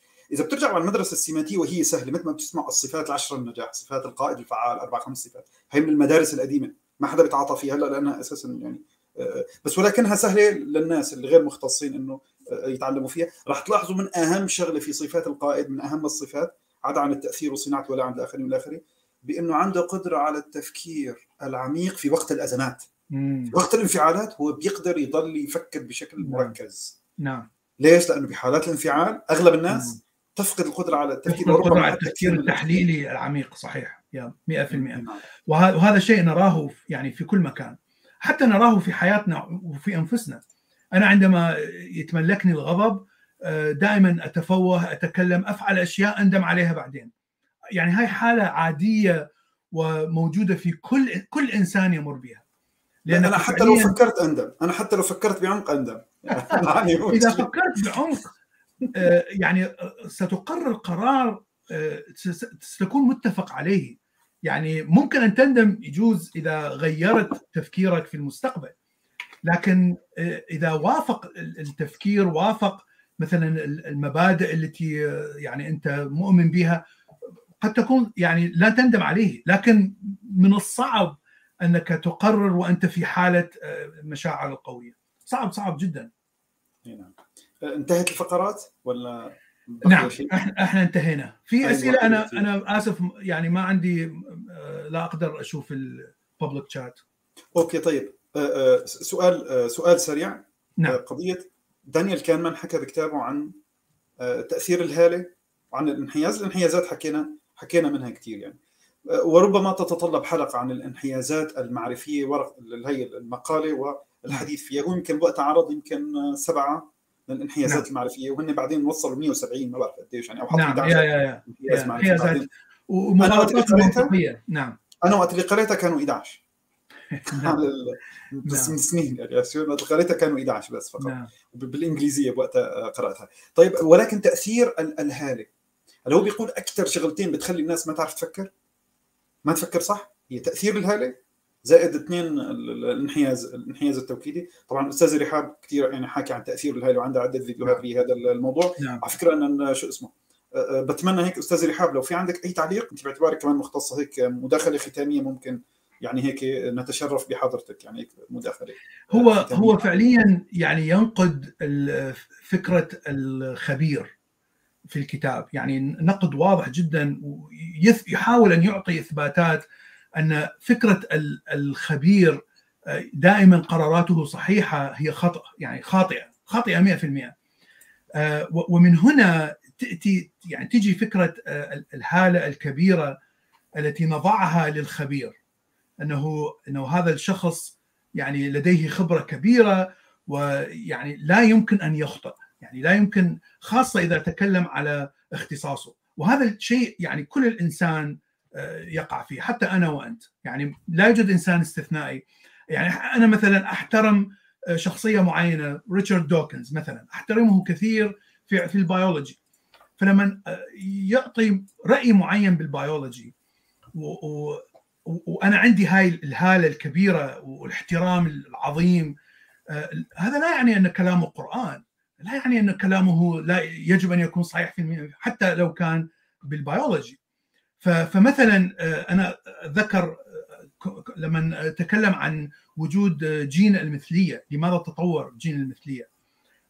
فهو يعطي سبب طبعا يقول آه، يعني لا يعرف إذا كان صح أو خطأ يعطي فقط يعني اقتراح أنه السبب ربما وجود الأبناء الذين يساعدون الأمهات.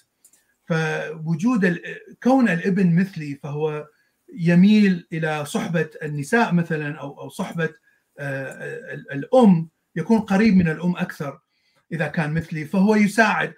فيقول ربما لهذا السبب يعني تولد هذا الجين أو تطور هذا الجين.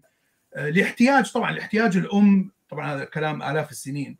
آه، لاحتياج الأم إلى مساعدة. أنا لا أتفق مع هذا الرأي أنا أعتبره خاطئ هذا الرأي خطأ. لأنه بالنسبة لي ليس منطقي مع يعني الواقع.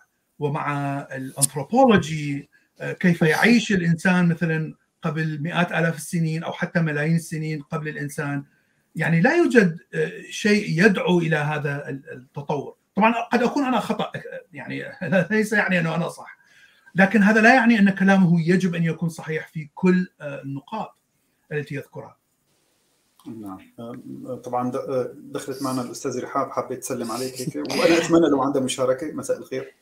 مساء الخير مساء الخير شادي صديقي العزيز مساء الخير أستاذ بلال. أنا بتابع حضرتك جدا وكل الحلقات الحقيقة وشكرا لشادي هو اللي عرفني عليك يعني. شكرا جزيلا تشرف شكرا جزيلا. لا حي وبعدين حضرتك في الطرح بتاع الكتاب أنا كنت سمعت الكتاب صوتي. حضرتك في الطرح طرحته بطريقة لطيفة جدا جدا جدا. شكرا لحضرتك يعني الحقيقة. شهادة اعتز بها شكرا. لا لا الحقيقة أنا سعيده اني بشارك معاك وكان نفسي يكون عندي ما أقوله يعني بس الحقيقة كان في أنا كنت عايزة أسلم حضرتك. لا لا لا اطلاقا. ده أنا كنت معقول ما في شيء خالص يخص التخويف يخص المشاعر الدوافع السلوكيه لا هو أنا أنا نفسي بس أستاذ بلال كان يتكلم أكتر عن الميجد الاميجدولا اللي نعم. بحس إن الناس محتاجة تفهمها أكتر وتفهم تأثير نعم. الخوف وعدم الثقة الموضوع نعم. ما بيكونش سهل زي ما إحنا معتقدين ولا نعم. تأثيره شديد على على عقلنا وعلى تفكيرنا فأنا نفسي يا شادي تعمل حلقة تانية عن موضوع الاميجدولا بس يعني أتمنى أستاذ نعم. بلال يتكلم نعم. عنها حلوة قوي يعني شكرا هو هو الكتاب يعني علم نفس آه. فلا يتكلم عن ال neurology لا يتكلم عن التشريح الدماغ وإلى آخره. أنا سويت حلقة عن ال amygdala زمان آه، شفتها أنا شفتها. يا عن كتاب Behave آه كتاب Behave آه هو أيضا يعني كتاب يعني من من أعظم الكتب اللي قريتها. يا ريت تحكي لنا عنه وتفصلنا عنه يا ريت. إيه يعني هو هو قريب من هذا الكتاب لكنه يأتي من من يعني يدخل من علم النيورولوجي علم الأعصاب والتشريح ولكن أيضا يأخذ كيف يقرر الإنسان؟ كيف تحصل المشاعر؟ آه، لماذا يقرر الإنسان بشكل سريع؟ إلى آخره. آه، هذا الكتاب يأخذه من من جهة علم النفس ويعتبر العقل يعني مثل صندوق أسود وهو يحلل تصرف العقل. ولهذا أعتقد يعني أعتقد يا فندم إن هو التطبيق السلوكي لفكرة العقل التشريحي الكتاب ده يعتبر تطبيق السلوكي إحنا عندنا العقل التشريحي بتركيبته الفصل الجبهي والفصل اللي هو البدائي نعم. وكل التركيبة نعم. دي بيجي الكتاب بتاع حضرتك نخش النهارده بيعرفنا إحنا بنطبق ده إزاي إحنا بنستخدم كل نعم. الآليات آه كسلوك نعم. بنطبقه إزاي في حياتنا لأن نعم. أنت شايف الحاجات محطوطة بس مش عارف بتتعمل إزاي أهو أعتقد ده تطبيق يعني للفكرة كلها نعم. واللي هو وهو علم النفس علم النفس يهتم بالتصرف أو كيف يتصرف الإنسان في في مواقف معينة ويحلل آه، كيف نؤثر على هذا التصور إلى آخره. لكن لما ندخل بال neurology و psychiatry يعني هنا ندخل بعلم الأعصاب والتشريح ويعني كيف فعليا تنتج هذه الأفكار أو أو هذه المش وين تخزن؟ وين موجودة؟ إلى آخره. طبعا الموضوع يعني كبير جدا. يعني أنا الحلقات اللي سويتها عن كيميائيات الدماغ يعني قصيرة فعليا ويعني سبع حلقات فقط. كانت عظيمه بتاعت الدوبامين. أنا بتاعت الدوبامين نعم. أنا اتعلمت قبل ما أعمل حلقة الدوبامين بتاعتي أنا عملت دوبامين وسوب الدوبامين. جميل آه جميل. آه و... جميل. وتغيير العادات السلوكية كمان. أنا كنت بسمع نعم. حلقتك يعني بجد حضرتك عملتها قصيره جدا ورهيبة. قلت كل الكلام يعني أنا عشان أوصل لأنها تكون أقول كل الكلام قعدت نص ساعة. الحقيقة حضرتك عملتها يا هو 16 دقيقة 16 دقيقة تقريبا. نعم نعم نعم. أنا يعني أنا أعتقد أن إيصال فكرة بسيطة وليس كل شيء ايصال فقط رؤوس الأقلام بفترة قصيرة يعني يوصل الفكرة أسهل إلى عامة الناس. اللي يحب يقرأ أكثر المصدر موجود يعني اذهب واقرأ لأنه المصدر غني ودسم جدا بشكل كبير. وحتى يتكلم عن حتى التفاعلات الكيميائية التي تحدث داخل خلية يعني خطوة بخطوة. يعني يدخل في علم حتى ممكن يكون أكاديمي وممل. لكن اللي يحب يدخل في هذا العلم طبعا هناك كثير من الكتب العظيمة في هذا الموضوع. فعلا فعلا. لا رائع جدا. و... ولما ش... ولما شرحتها كمان إنها جت من الإنسان البداية الأول وقطعة اللحمة وكانت عظيمة الحقيقة يعني. شكرا لك شكرا جدا لك نعم. وأنا وأنا كمان رفعت كتاب بيهيف رفعته على قناة التليجرام. كمان كتاب بيهيف 1200 صفحة. جميل. يا مثل شيء ممتع شيء جميل يعني. يا مثل كتابنا هون يعني كتاب دسم جدا. نعم. نعم نعم نعم, نعم. طيب أخت رحاب يعني شنو شنو رأيك بكانمان وهل هناك نظريات يعني أفضل من ال prospect theory النظرية اللي وضعها للاقتصاد؟ طبعا هي نظرية علم نفس لكن طبقت على الاقتصاد. أساسا أنا بحس إن الاقتصاد هو الحياة الفعلية للكائنات البشرية. الحضارات كلها قامت لما وجد الاقتصاد. من أول الحضارة الفرعونية لما حصل الزراعة والاستقرار يعني برضو الاقتصاد. يعني بالبلدي كده بالمصري لقمة العيش هي اللي بتقيم الحضارة. بالبلدي فعشان كده ما أقدرش أقول إن الاقتصاد حتى لو إحنا بصينا في تطور الشعوب نفسها هنلاقي إن الاقتصاد جزء مهم جدا من تطور الوعي عندهم من أول الإنسان البدائي اللي كان كل مشكلته يدور على حتة اللحمة اللي تقضيه ثلاث أيام لحد الإنسان في العصر الحديث اللي بيدور على الفواتير ويدور على نعم. لما بيتأمل الاقتصاد بيظهر الإبداع بتخش في طبقة ثانية من التطور بنخش في مرحلة ثانية من التطور عشان كده ما أقدرش أفصل ما بين الاقتصاد وعلم النفس السلوكي ابدا جميل. يعني هو ده جميل. الإنسان يعني في رايي جميل جميل, آه. جميل. نعم جميل جميل. شكرا. شكرا لحضرتك. آه سؤال فرق بين علم النفس والعلوم العصبية. لا لا حضرتك كده أنت هتسألني ده أنا جاي أسألك. أنا جاي أستغل وجودك يعني. طيب طيب خلينا نقول خلينا نقول. هو طيب في في في سؤال من أحد الأصدقاء بيسأل عن الفرق ما بين علم النفس والعلوم العصبية. أنا بظن أستاذ بلال جاوبنا وكمان آه. نستفيد من وجودك لأنك أنت مختصة كمان طريقك لو تسكرين رايك بس okay. نبدأ مع أستاذ بلال. نبدأ مع أستاذ بلال لأنه لابس نظارات آه العلوم العصبية تحاول أن تفسر آه ال functionality أو كيف يعمل العضو داخل الإنسان. فطبعا العلوم العصبية بمعنى الأعصاب الخلايا العصبية الموصلات الأجزاء المختلفة من الدماغ المخ مخيخ إلى آخره. كيف تعمل بالضبط؟ يعني تتخصص أكثر بالكيميائية لأنه كل شيء داخل الإنسان هو كيمياء. فالكيمياء معقدة بشكل كبير وهناك كثير من الأنزيمات التي تؤثر على عمل هذه الأعضاء.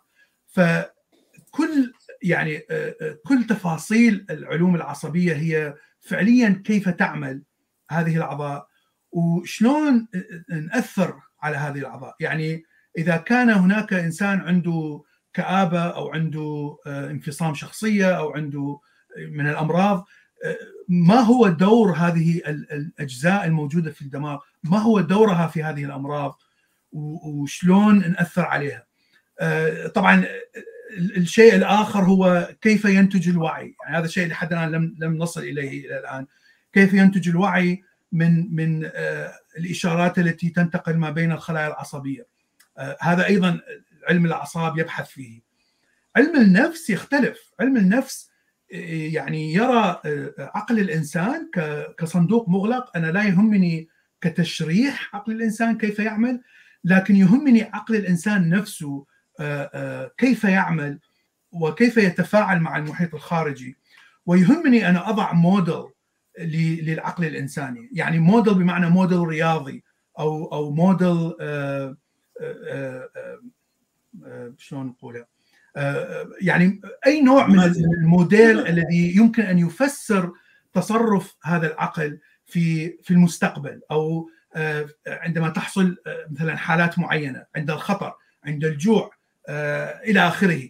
فعندما أبني هذا الموديل للعقل أستطيع أن يعني أفهم كيف يتصرف هذا العقل.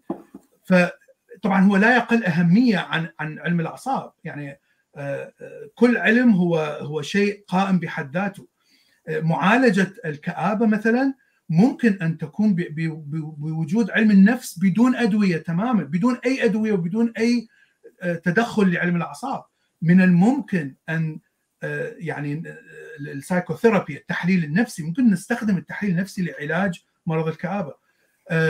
كثير من الأمراض كثير من المشاكل الشخصية كثير من الأشياء التي تعيق من من من حياتنا من من يعني وصولنا إلى أهداف معينة ممكن أن تحل بعلم النفس ممكن أن نفهم أنفسنا بواسطة علم النفس. يعني أنا إلى إلى مرحلة متقدمة من حياتي إلى اباوت ال 40 سنة يلا بديت أفهم نفسي. بديت أفهم لماذا أتصرف بتصرف معين. ممكن أضيف على حضرتك بعدين. في مواقف معينة. فهمي لهذا الشيء يأتي من علم من قراءتي لعلم النفس وليس من قراءتي لعلم الأعصاب. ممكن أضيف على حضرتك إن علم علم الأعصاب يعني هو البيزك الأساسي اللي بيتفق فيه البشرية كلها. إحنا عندنا بصفة بصفة عامة الناحية التشريحية متشابهة جدا وناحية تأثير الكيمياء متشابهة جدا والأعصاب والنيرف كل الحاجات بصفة عامة متشابهة إلا الفروق الفردية في, في نسبة مثلا المادة الغامقة حوالين المخ المادة البيضاء في نسب فردية يعني في في مساحة حجم المخ في حجم في الحاجات دي كلها. لكن علم النفس هو في الآخر التطبيق الفعلي لعلم الأعصاب مع الفروق الفردية. في الآخر المؤثر هيكون واحد لكن ردود الأفعال هتكون مختلفة. وهنا ردود الأفعال بعلم النفس هو اللي هيفسرها. وما يقدرش يدي تفسير واحد لأن كلنا بيكون عندنا تراكم معرفي وخبرات وتأثير في المعرفة ده بيأثر على سلوكنا نفسه. فصعب إن إحنا نتفق لكن إحنا متفقين في علم الأعصاب. متفقين تقريبا كلنا لكن في علم رد الفعل بعلم النفس بيكون مختلف نظرا لخبرات كل واحد وخبراته الحياتية ومعرفته ورؤيته للحياة نفسها يعني. لأنه الطفولة لأنه العلم آه. الذي أخذناه من الطفولة ومن المحيط ومن الأهل يكون مختلف عن كل شخص. ولهذا عندما بالضبط. نكبر كل هذه التراكمات هي التي تقرر وتحدد تكون الشخصية. نعم. ويمكن أول أول احتكاك أنا بحس إنه أول بداية الوعي يعني مش هقدر أفسر الوعي ده حاجة موال كبير قوي بحس إنه أول يعني. بداية الوعي معقد جدا وحتى ما حدش قادر يحدد تفسيره لكن هقدر أقول إن هو بدايته إن أنت تقدر تفصل ما بين تم استدخاله في حياتك الأولى كلها من أول طفولتك وما بين وعيك بالأشياء وفكرتك عنها ورغبتك في التفاعل معاها. لأن في الآخر الأفكار عن المجتمع وعن الحياة وعن الأخلاق وعن الجمال وعن ما تحب كله استدخال اجتماعي من أول الأم والأب والمدرسة لحد إيه خبرتك الشخصية. لكن لما بتبدأ تكبر وتعي تفرق ما بين اللي تم استدخاله وما تم رغبتك الحقيقية نفسها في إن ممكن يكون بداية الوعي. لأن مثلا هدي مثال في مجتمعاتنا يفضل نموذج معين من الجمال وتم استدخاله للناس اللي هو النموذج مثلا على سبيل المثال النموذج الموديل الأبيض المليان الملفوف نعم. ودي طبعا تاريخيا ليها أصل لأنه كان مفضل إن النبلاء ما كانوش كانوا ما بيعملوش في الشمس وكانوا بيحتفظوا بلون بشرتهم وكانوا بيكونوا سمان بعض الشيء آه نظرا لأنهم لا يعمل آه نعم. لوفره الطعام فبالتالي أصبح النموذج المرغوب ليس جماليا ولكن للناحية الرفاهية فبالتالي نعم. أصبح المرغوب شعبيا. فأنت وأنت صغير هتلاقي نفسك استدخلت النموذج التاريخي المجتمعي دون أن تدرك. بس لما تكبر ممكن تقول إيه؟ لا بس أنا بيسرني البنت الثانية السمراء الرفيعة أو أنا بيسرني البنت الأفريقية. وتبقى عندك الصراع ده مجرد ما تدرك إن دي رغبتك المباشرة جدا وإن مش دي استدخال المجتمع هو جزء من الوعي. الوعي الذاتي وتبدأ تقيم سلوكك كله. أنا عايز إيه شخصيا؟ لما تيجي تسأل حد أنت عايز إيه هيقول لك أو أنت بتحب إيه هيقول لك أول حاجة إيه أنا ما بحبش كذا أنا مش عايز كده أقول له يا حبيبي قول لي أنت عايز إيه؟ هو مش عارف هو عايز إيه لأن هو ما اتعلمش يعوز هو اتعلم يسمع اللي المفروض يعوزه. يا يا وهذا الشيء هذا الشيء اللي ذكرته إنه أنا لم أعرف نفسي إلا بعد ال40 آه بالضبط. بالضبط الشيء اللي ذكرتيه. بالضبط. سبحان بالزبط. الله مذكور بالقرآن من زمان فلما بلغ أشده وبلغ 40 سنة. كنت عايزه يا أخي اعجاب علمي. طيب أنا أنا هون بدي أضيف شغلة واعتبروها موجهة لكم اثنيناتكم حلقتنا انتهت من الكتاب وأنا عارف إن وقتك ضيق يعني ما راح أطول عليك ولا على الأستاذة رحاب لأنها كمان مشغولة بس أنا ضغطت عليها. لا لا ميرسي جدا. اسمع رايي لأنها متخصصة كمان يعني. لا أنا سعيدة أصلا بالمقابله سعيدة جدا. هذه الحلقة هذه الحلقة منطقيا وعمليا لا ما راح تكتمل إلا بحلقة تحب لحالك تحب كمان تعلق معي ومع مقاطعاتي المتكررة. نحكي عن علم الاقتصاد السلوكي. خليني أحكي كلمتين سريعات مثلا. يعني ولنفترض بالاقتصاد بيتلاعبوا على شيء اسمه معضلة الاختيار عند الناس. بيستخدمها المطاعم وكثير من الشغلات لأنه مثلا أنا وقت بيجي بعرض كثير اختيارات فأغلب البشر تتوقف عندهم قدرتهم على تحليل السلع بين 6 و24 بصير عندهم شلل تحليل. ما بيقدر. فالشركات بتتلاعب بهالقصة. شو شلل التحليل هذا تطبيق عملي لشو؟ نمط التفكير البطيء بيتعطل. ما هو أنت رايح على السوبر ماركت يا حبيبي أنا نازل أشتري شغلة. وبدي أختار شغلة صحيحة. بس كان الاختيار بين 6 إلى 24 أغلب الناس بيتعطل عنده التفكير البطيء اللي هو رايح يستخدمه أساسا. أنا نازل اشتري جهاز موبايل نازل اشتري كمبيوتر نازل اشتري لك حتى نوع سباجيتي معكروني معين يعني. بس ولكن يوجد الكثير من الأنواع. فلذلك الشركات والسوبر ماركتات كلها عملية الترتيب واختيار الألوان كلها تحاكي هالانعكاسات تحاول الدوافع السلوكية يا يا يا تحاول تحاول تثير المنظومة الأولى وليست المنظومة. يعني إذا ثارت المنظومة الثانية معناتها مشكلة. معناتها ممكن ان أن تأخذ يعني شيء إيه بيرتبوا بيرتبوا السلع بطريقة بحيث إنه هي السلعة نعم. هي اللي تنباع ففي نعم. في في في عندك طريقة حتى الإعلانات اللي بتستخدم كمان الدوافع السلوكية يعني أنا مثلا أحسن ما أعمل دعاية ب 3 4 مليار أنا بعمل قصة بإنه في واحد سبحان الله بالصدفة طالع السطحيات الندى نعم. موجود على سيارة مرسيدس وعلى الشعار الجميل تبعها قام أخذ لها صورة شركة المرسيدس شافت الصورة عجبتها راحت بعثت له سيارة هديه ب 100000 wow طبعا هي القصة بتشد المشاعر والحواس نعم. وحلوة كثير نعم. فالناس بتتناقلها بتروح بتنتشر في العالم كله بتنتشر دعاية مرسيدس ببلاش. أو ما عدا وقت الفيديو بيعملوا دعاية عنصرية. فبتيجي الناس كلها بتنتقد فولكس فاجن مثلا على دعاية العنصرية الفلانية عن فولكس فاجن فبتنتشر دعاية بشكل أكبر دعاية سلبية. أنا أشوف عندنا عندنا بأمريكا لما تصير سوبر بول اللي هي نهائي نهائي شو اسمه كرة القدم أعتقد الأمريكية. ف الدعايات تكون أغلى دعايات بالسنة. يعني كل دقيقة بمليون أو شيء من هالقبيل. الدعايات تكون مضحكة. يعني دائما تحاول أن تحاكي الضحك. فعند الناس أكثر الناس يعني من تطلع الدعاية تشوفهم كلهم يريدون ان أن يروا هذه الدعايات. لأنها مضحكة لأنها مبهجة. فتعطي شعور بالبهجة بالمتعة. وبعدين يعني بعد ما تخلص المباراة تشوف هاي دعايات بكل مكان على فيسبوك على تويتر على يوتيوب والناس هم اللي بي بي يعني بيحطوها. ف فهذا يعني استخدام يعني واضح جدا للمنظومه الأولى. ولذلك هو في نقطة هنا عايز أضيفها. عايزة أضيفها هنا برضو في نقطة هو ده في أمريكا مش هينفع عندنا في الشرق الأوسط هو أنت لازم كمان تدرس سلوك الشعوب ورغباتهم إحنا عندنا الدعاية اللي هتنتشر جدا الصعبانيات والناس اللي ماتوا والله يرحمهم نعم.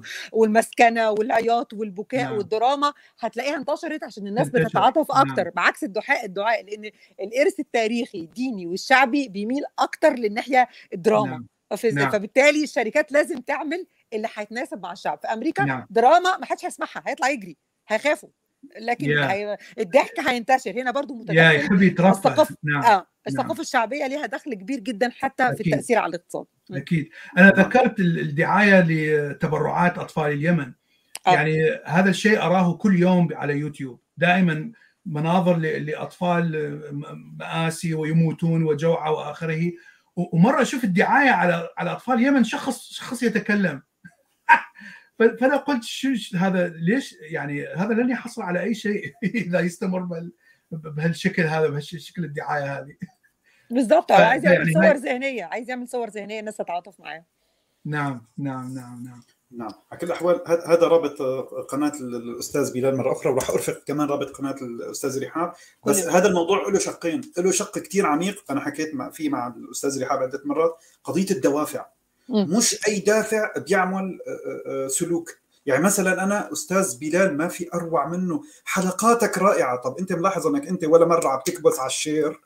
وعم تسرق الجرس تبع القناة وبتروح.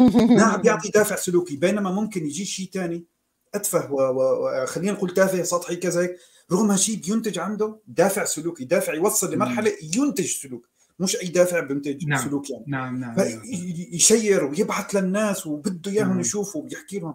ايمت تنشئ الدوافع. فلذلك علم الاقتصاد السلوكي جزء ضخم منه بيحكي فيه علم النفس لأنه دانيال كانمان علم النفس. فهذا اختصاص ومساحة الاستاذه رحاب بسيوني.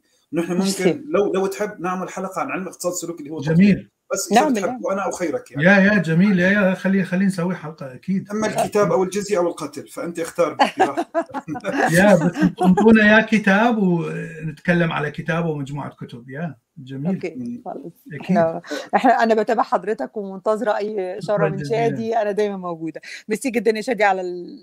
على المناسبة الجميلة أو الفرصة الجميلة اللي أتحتها لي وميرسي جدا أستاذ بلال واليوم سعيد الشرف لحضرتك. نتشرف ليلتكم سعيده ليلتكم سعيده تحياتي لك تحياتي لك. أستاذ رحاب هي مستشارتي كل ما بتزمني شغلة بتواصل معها يعني حتى بقضايا الخاصة وحياتي بستشيرها كثير يعني بسبب تخصصها. عندك شيء تحب تضيفه؟ أنا لا خلص خلص طيب شكرا جزيلا. أشكرك جزيلا. أشكرك نعم. جزيلا. حلقة كثير ممتعة وأتمنى من حضرتك براحتك أكيد ايمت ما بدك بإنه نعمل حلقة هيك عن علم الاقتصاد السلوكي. نعم. تكون حلوة نعم. وربما حتى عن الايحاء الشرطي. نعمل حلقة مرجعية لأنه كثير بشوفها. عم بتفسر كل ما ندخل حلقة في إيحاء شرطي داخل في الموضوع. أكيد أكيد. نعمل نعم حلقة نعم في الموضوع. نعم نعم نعم. جميل جميل. يو. يا يا يا. أكيد موافق أكيد. شكرا جزيلا شادي شكرا للجميع. أه تصبحون على خير. ودمتم بألف خير. شكرا جزيلا. شكرا لحضرتك. أنا بقطع علي وأعياد سعيدة لكم للجميع. عيد ميلاد سعيد. مع السلامة.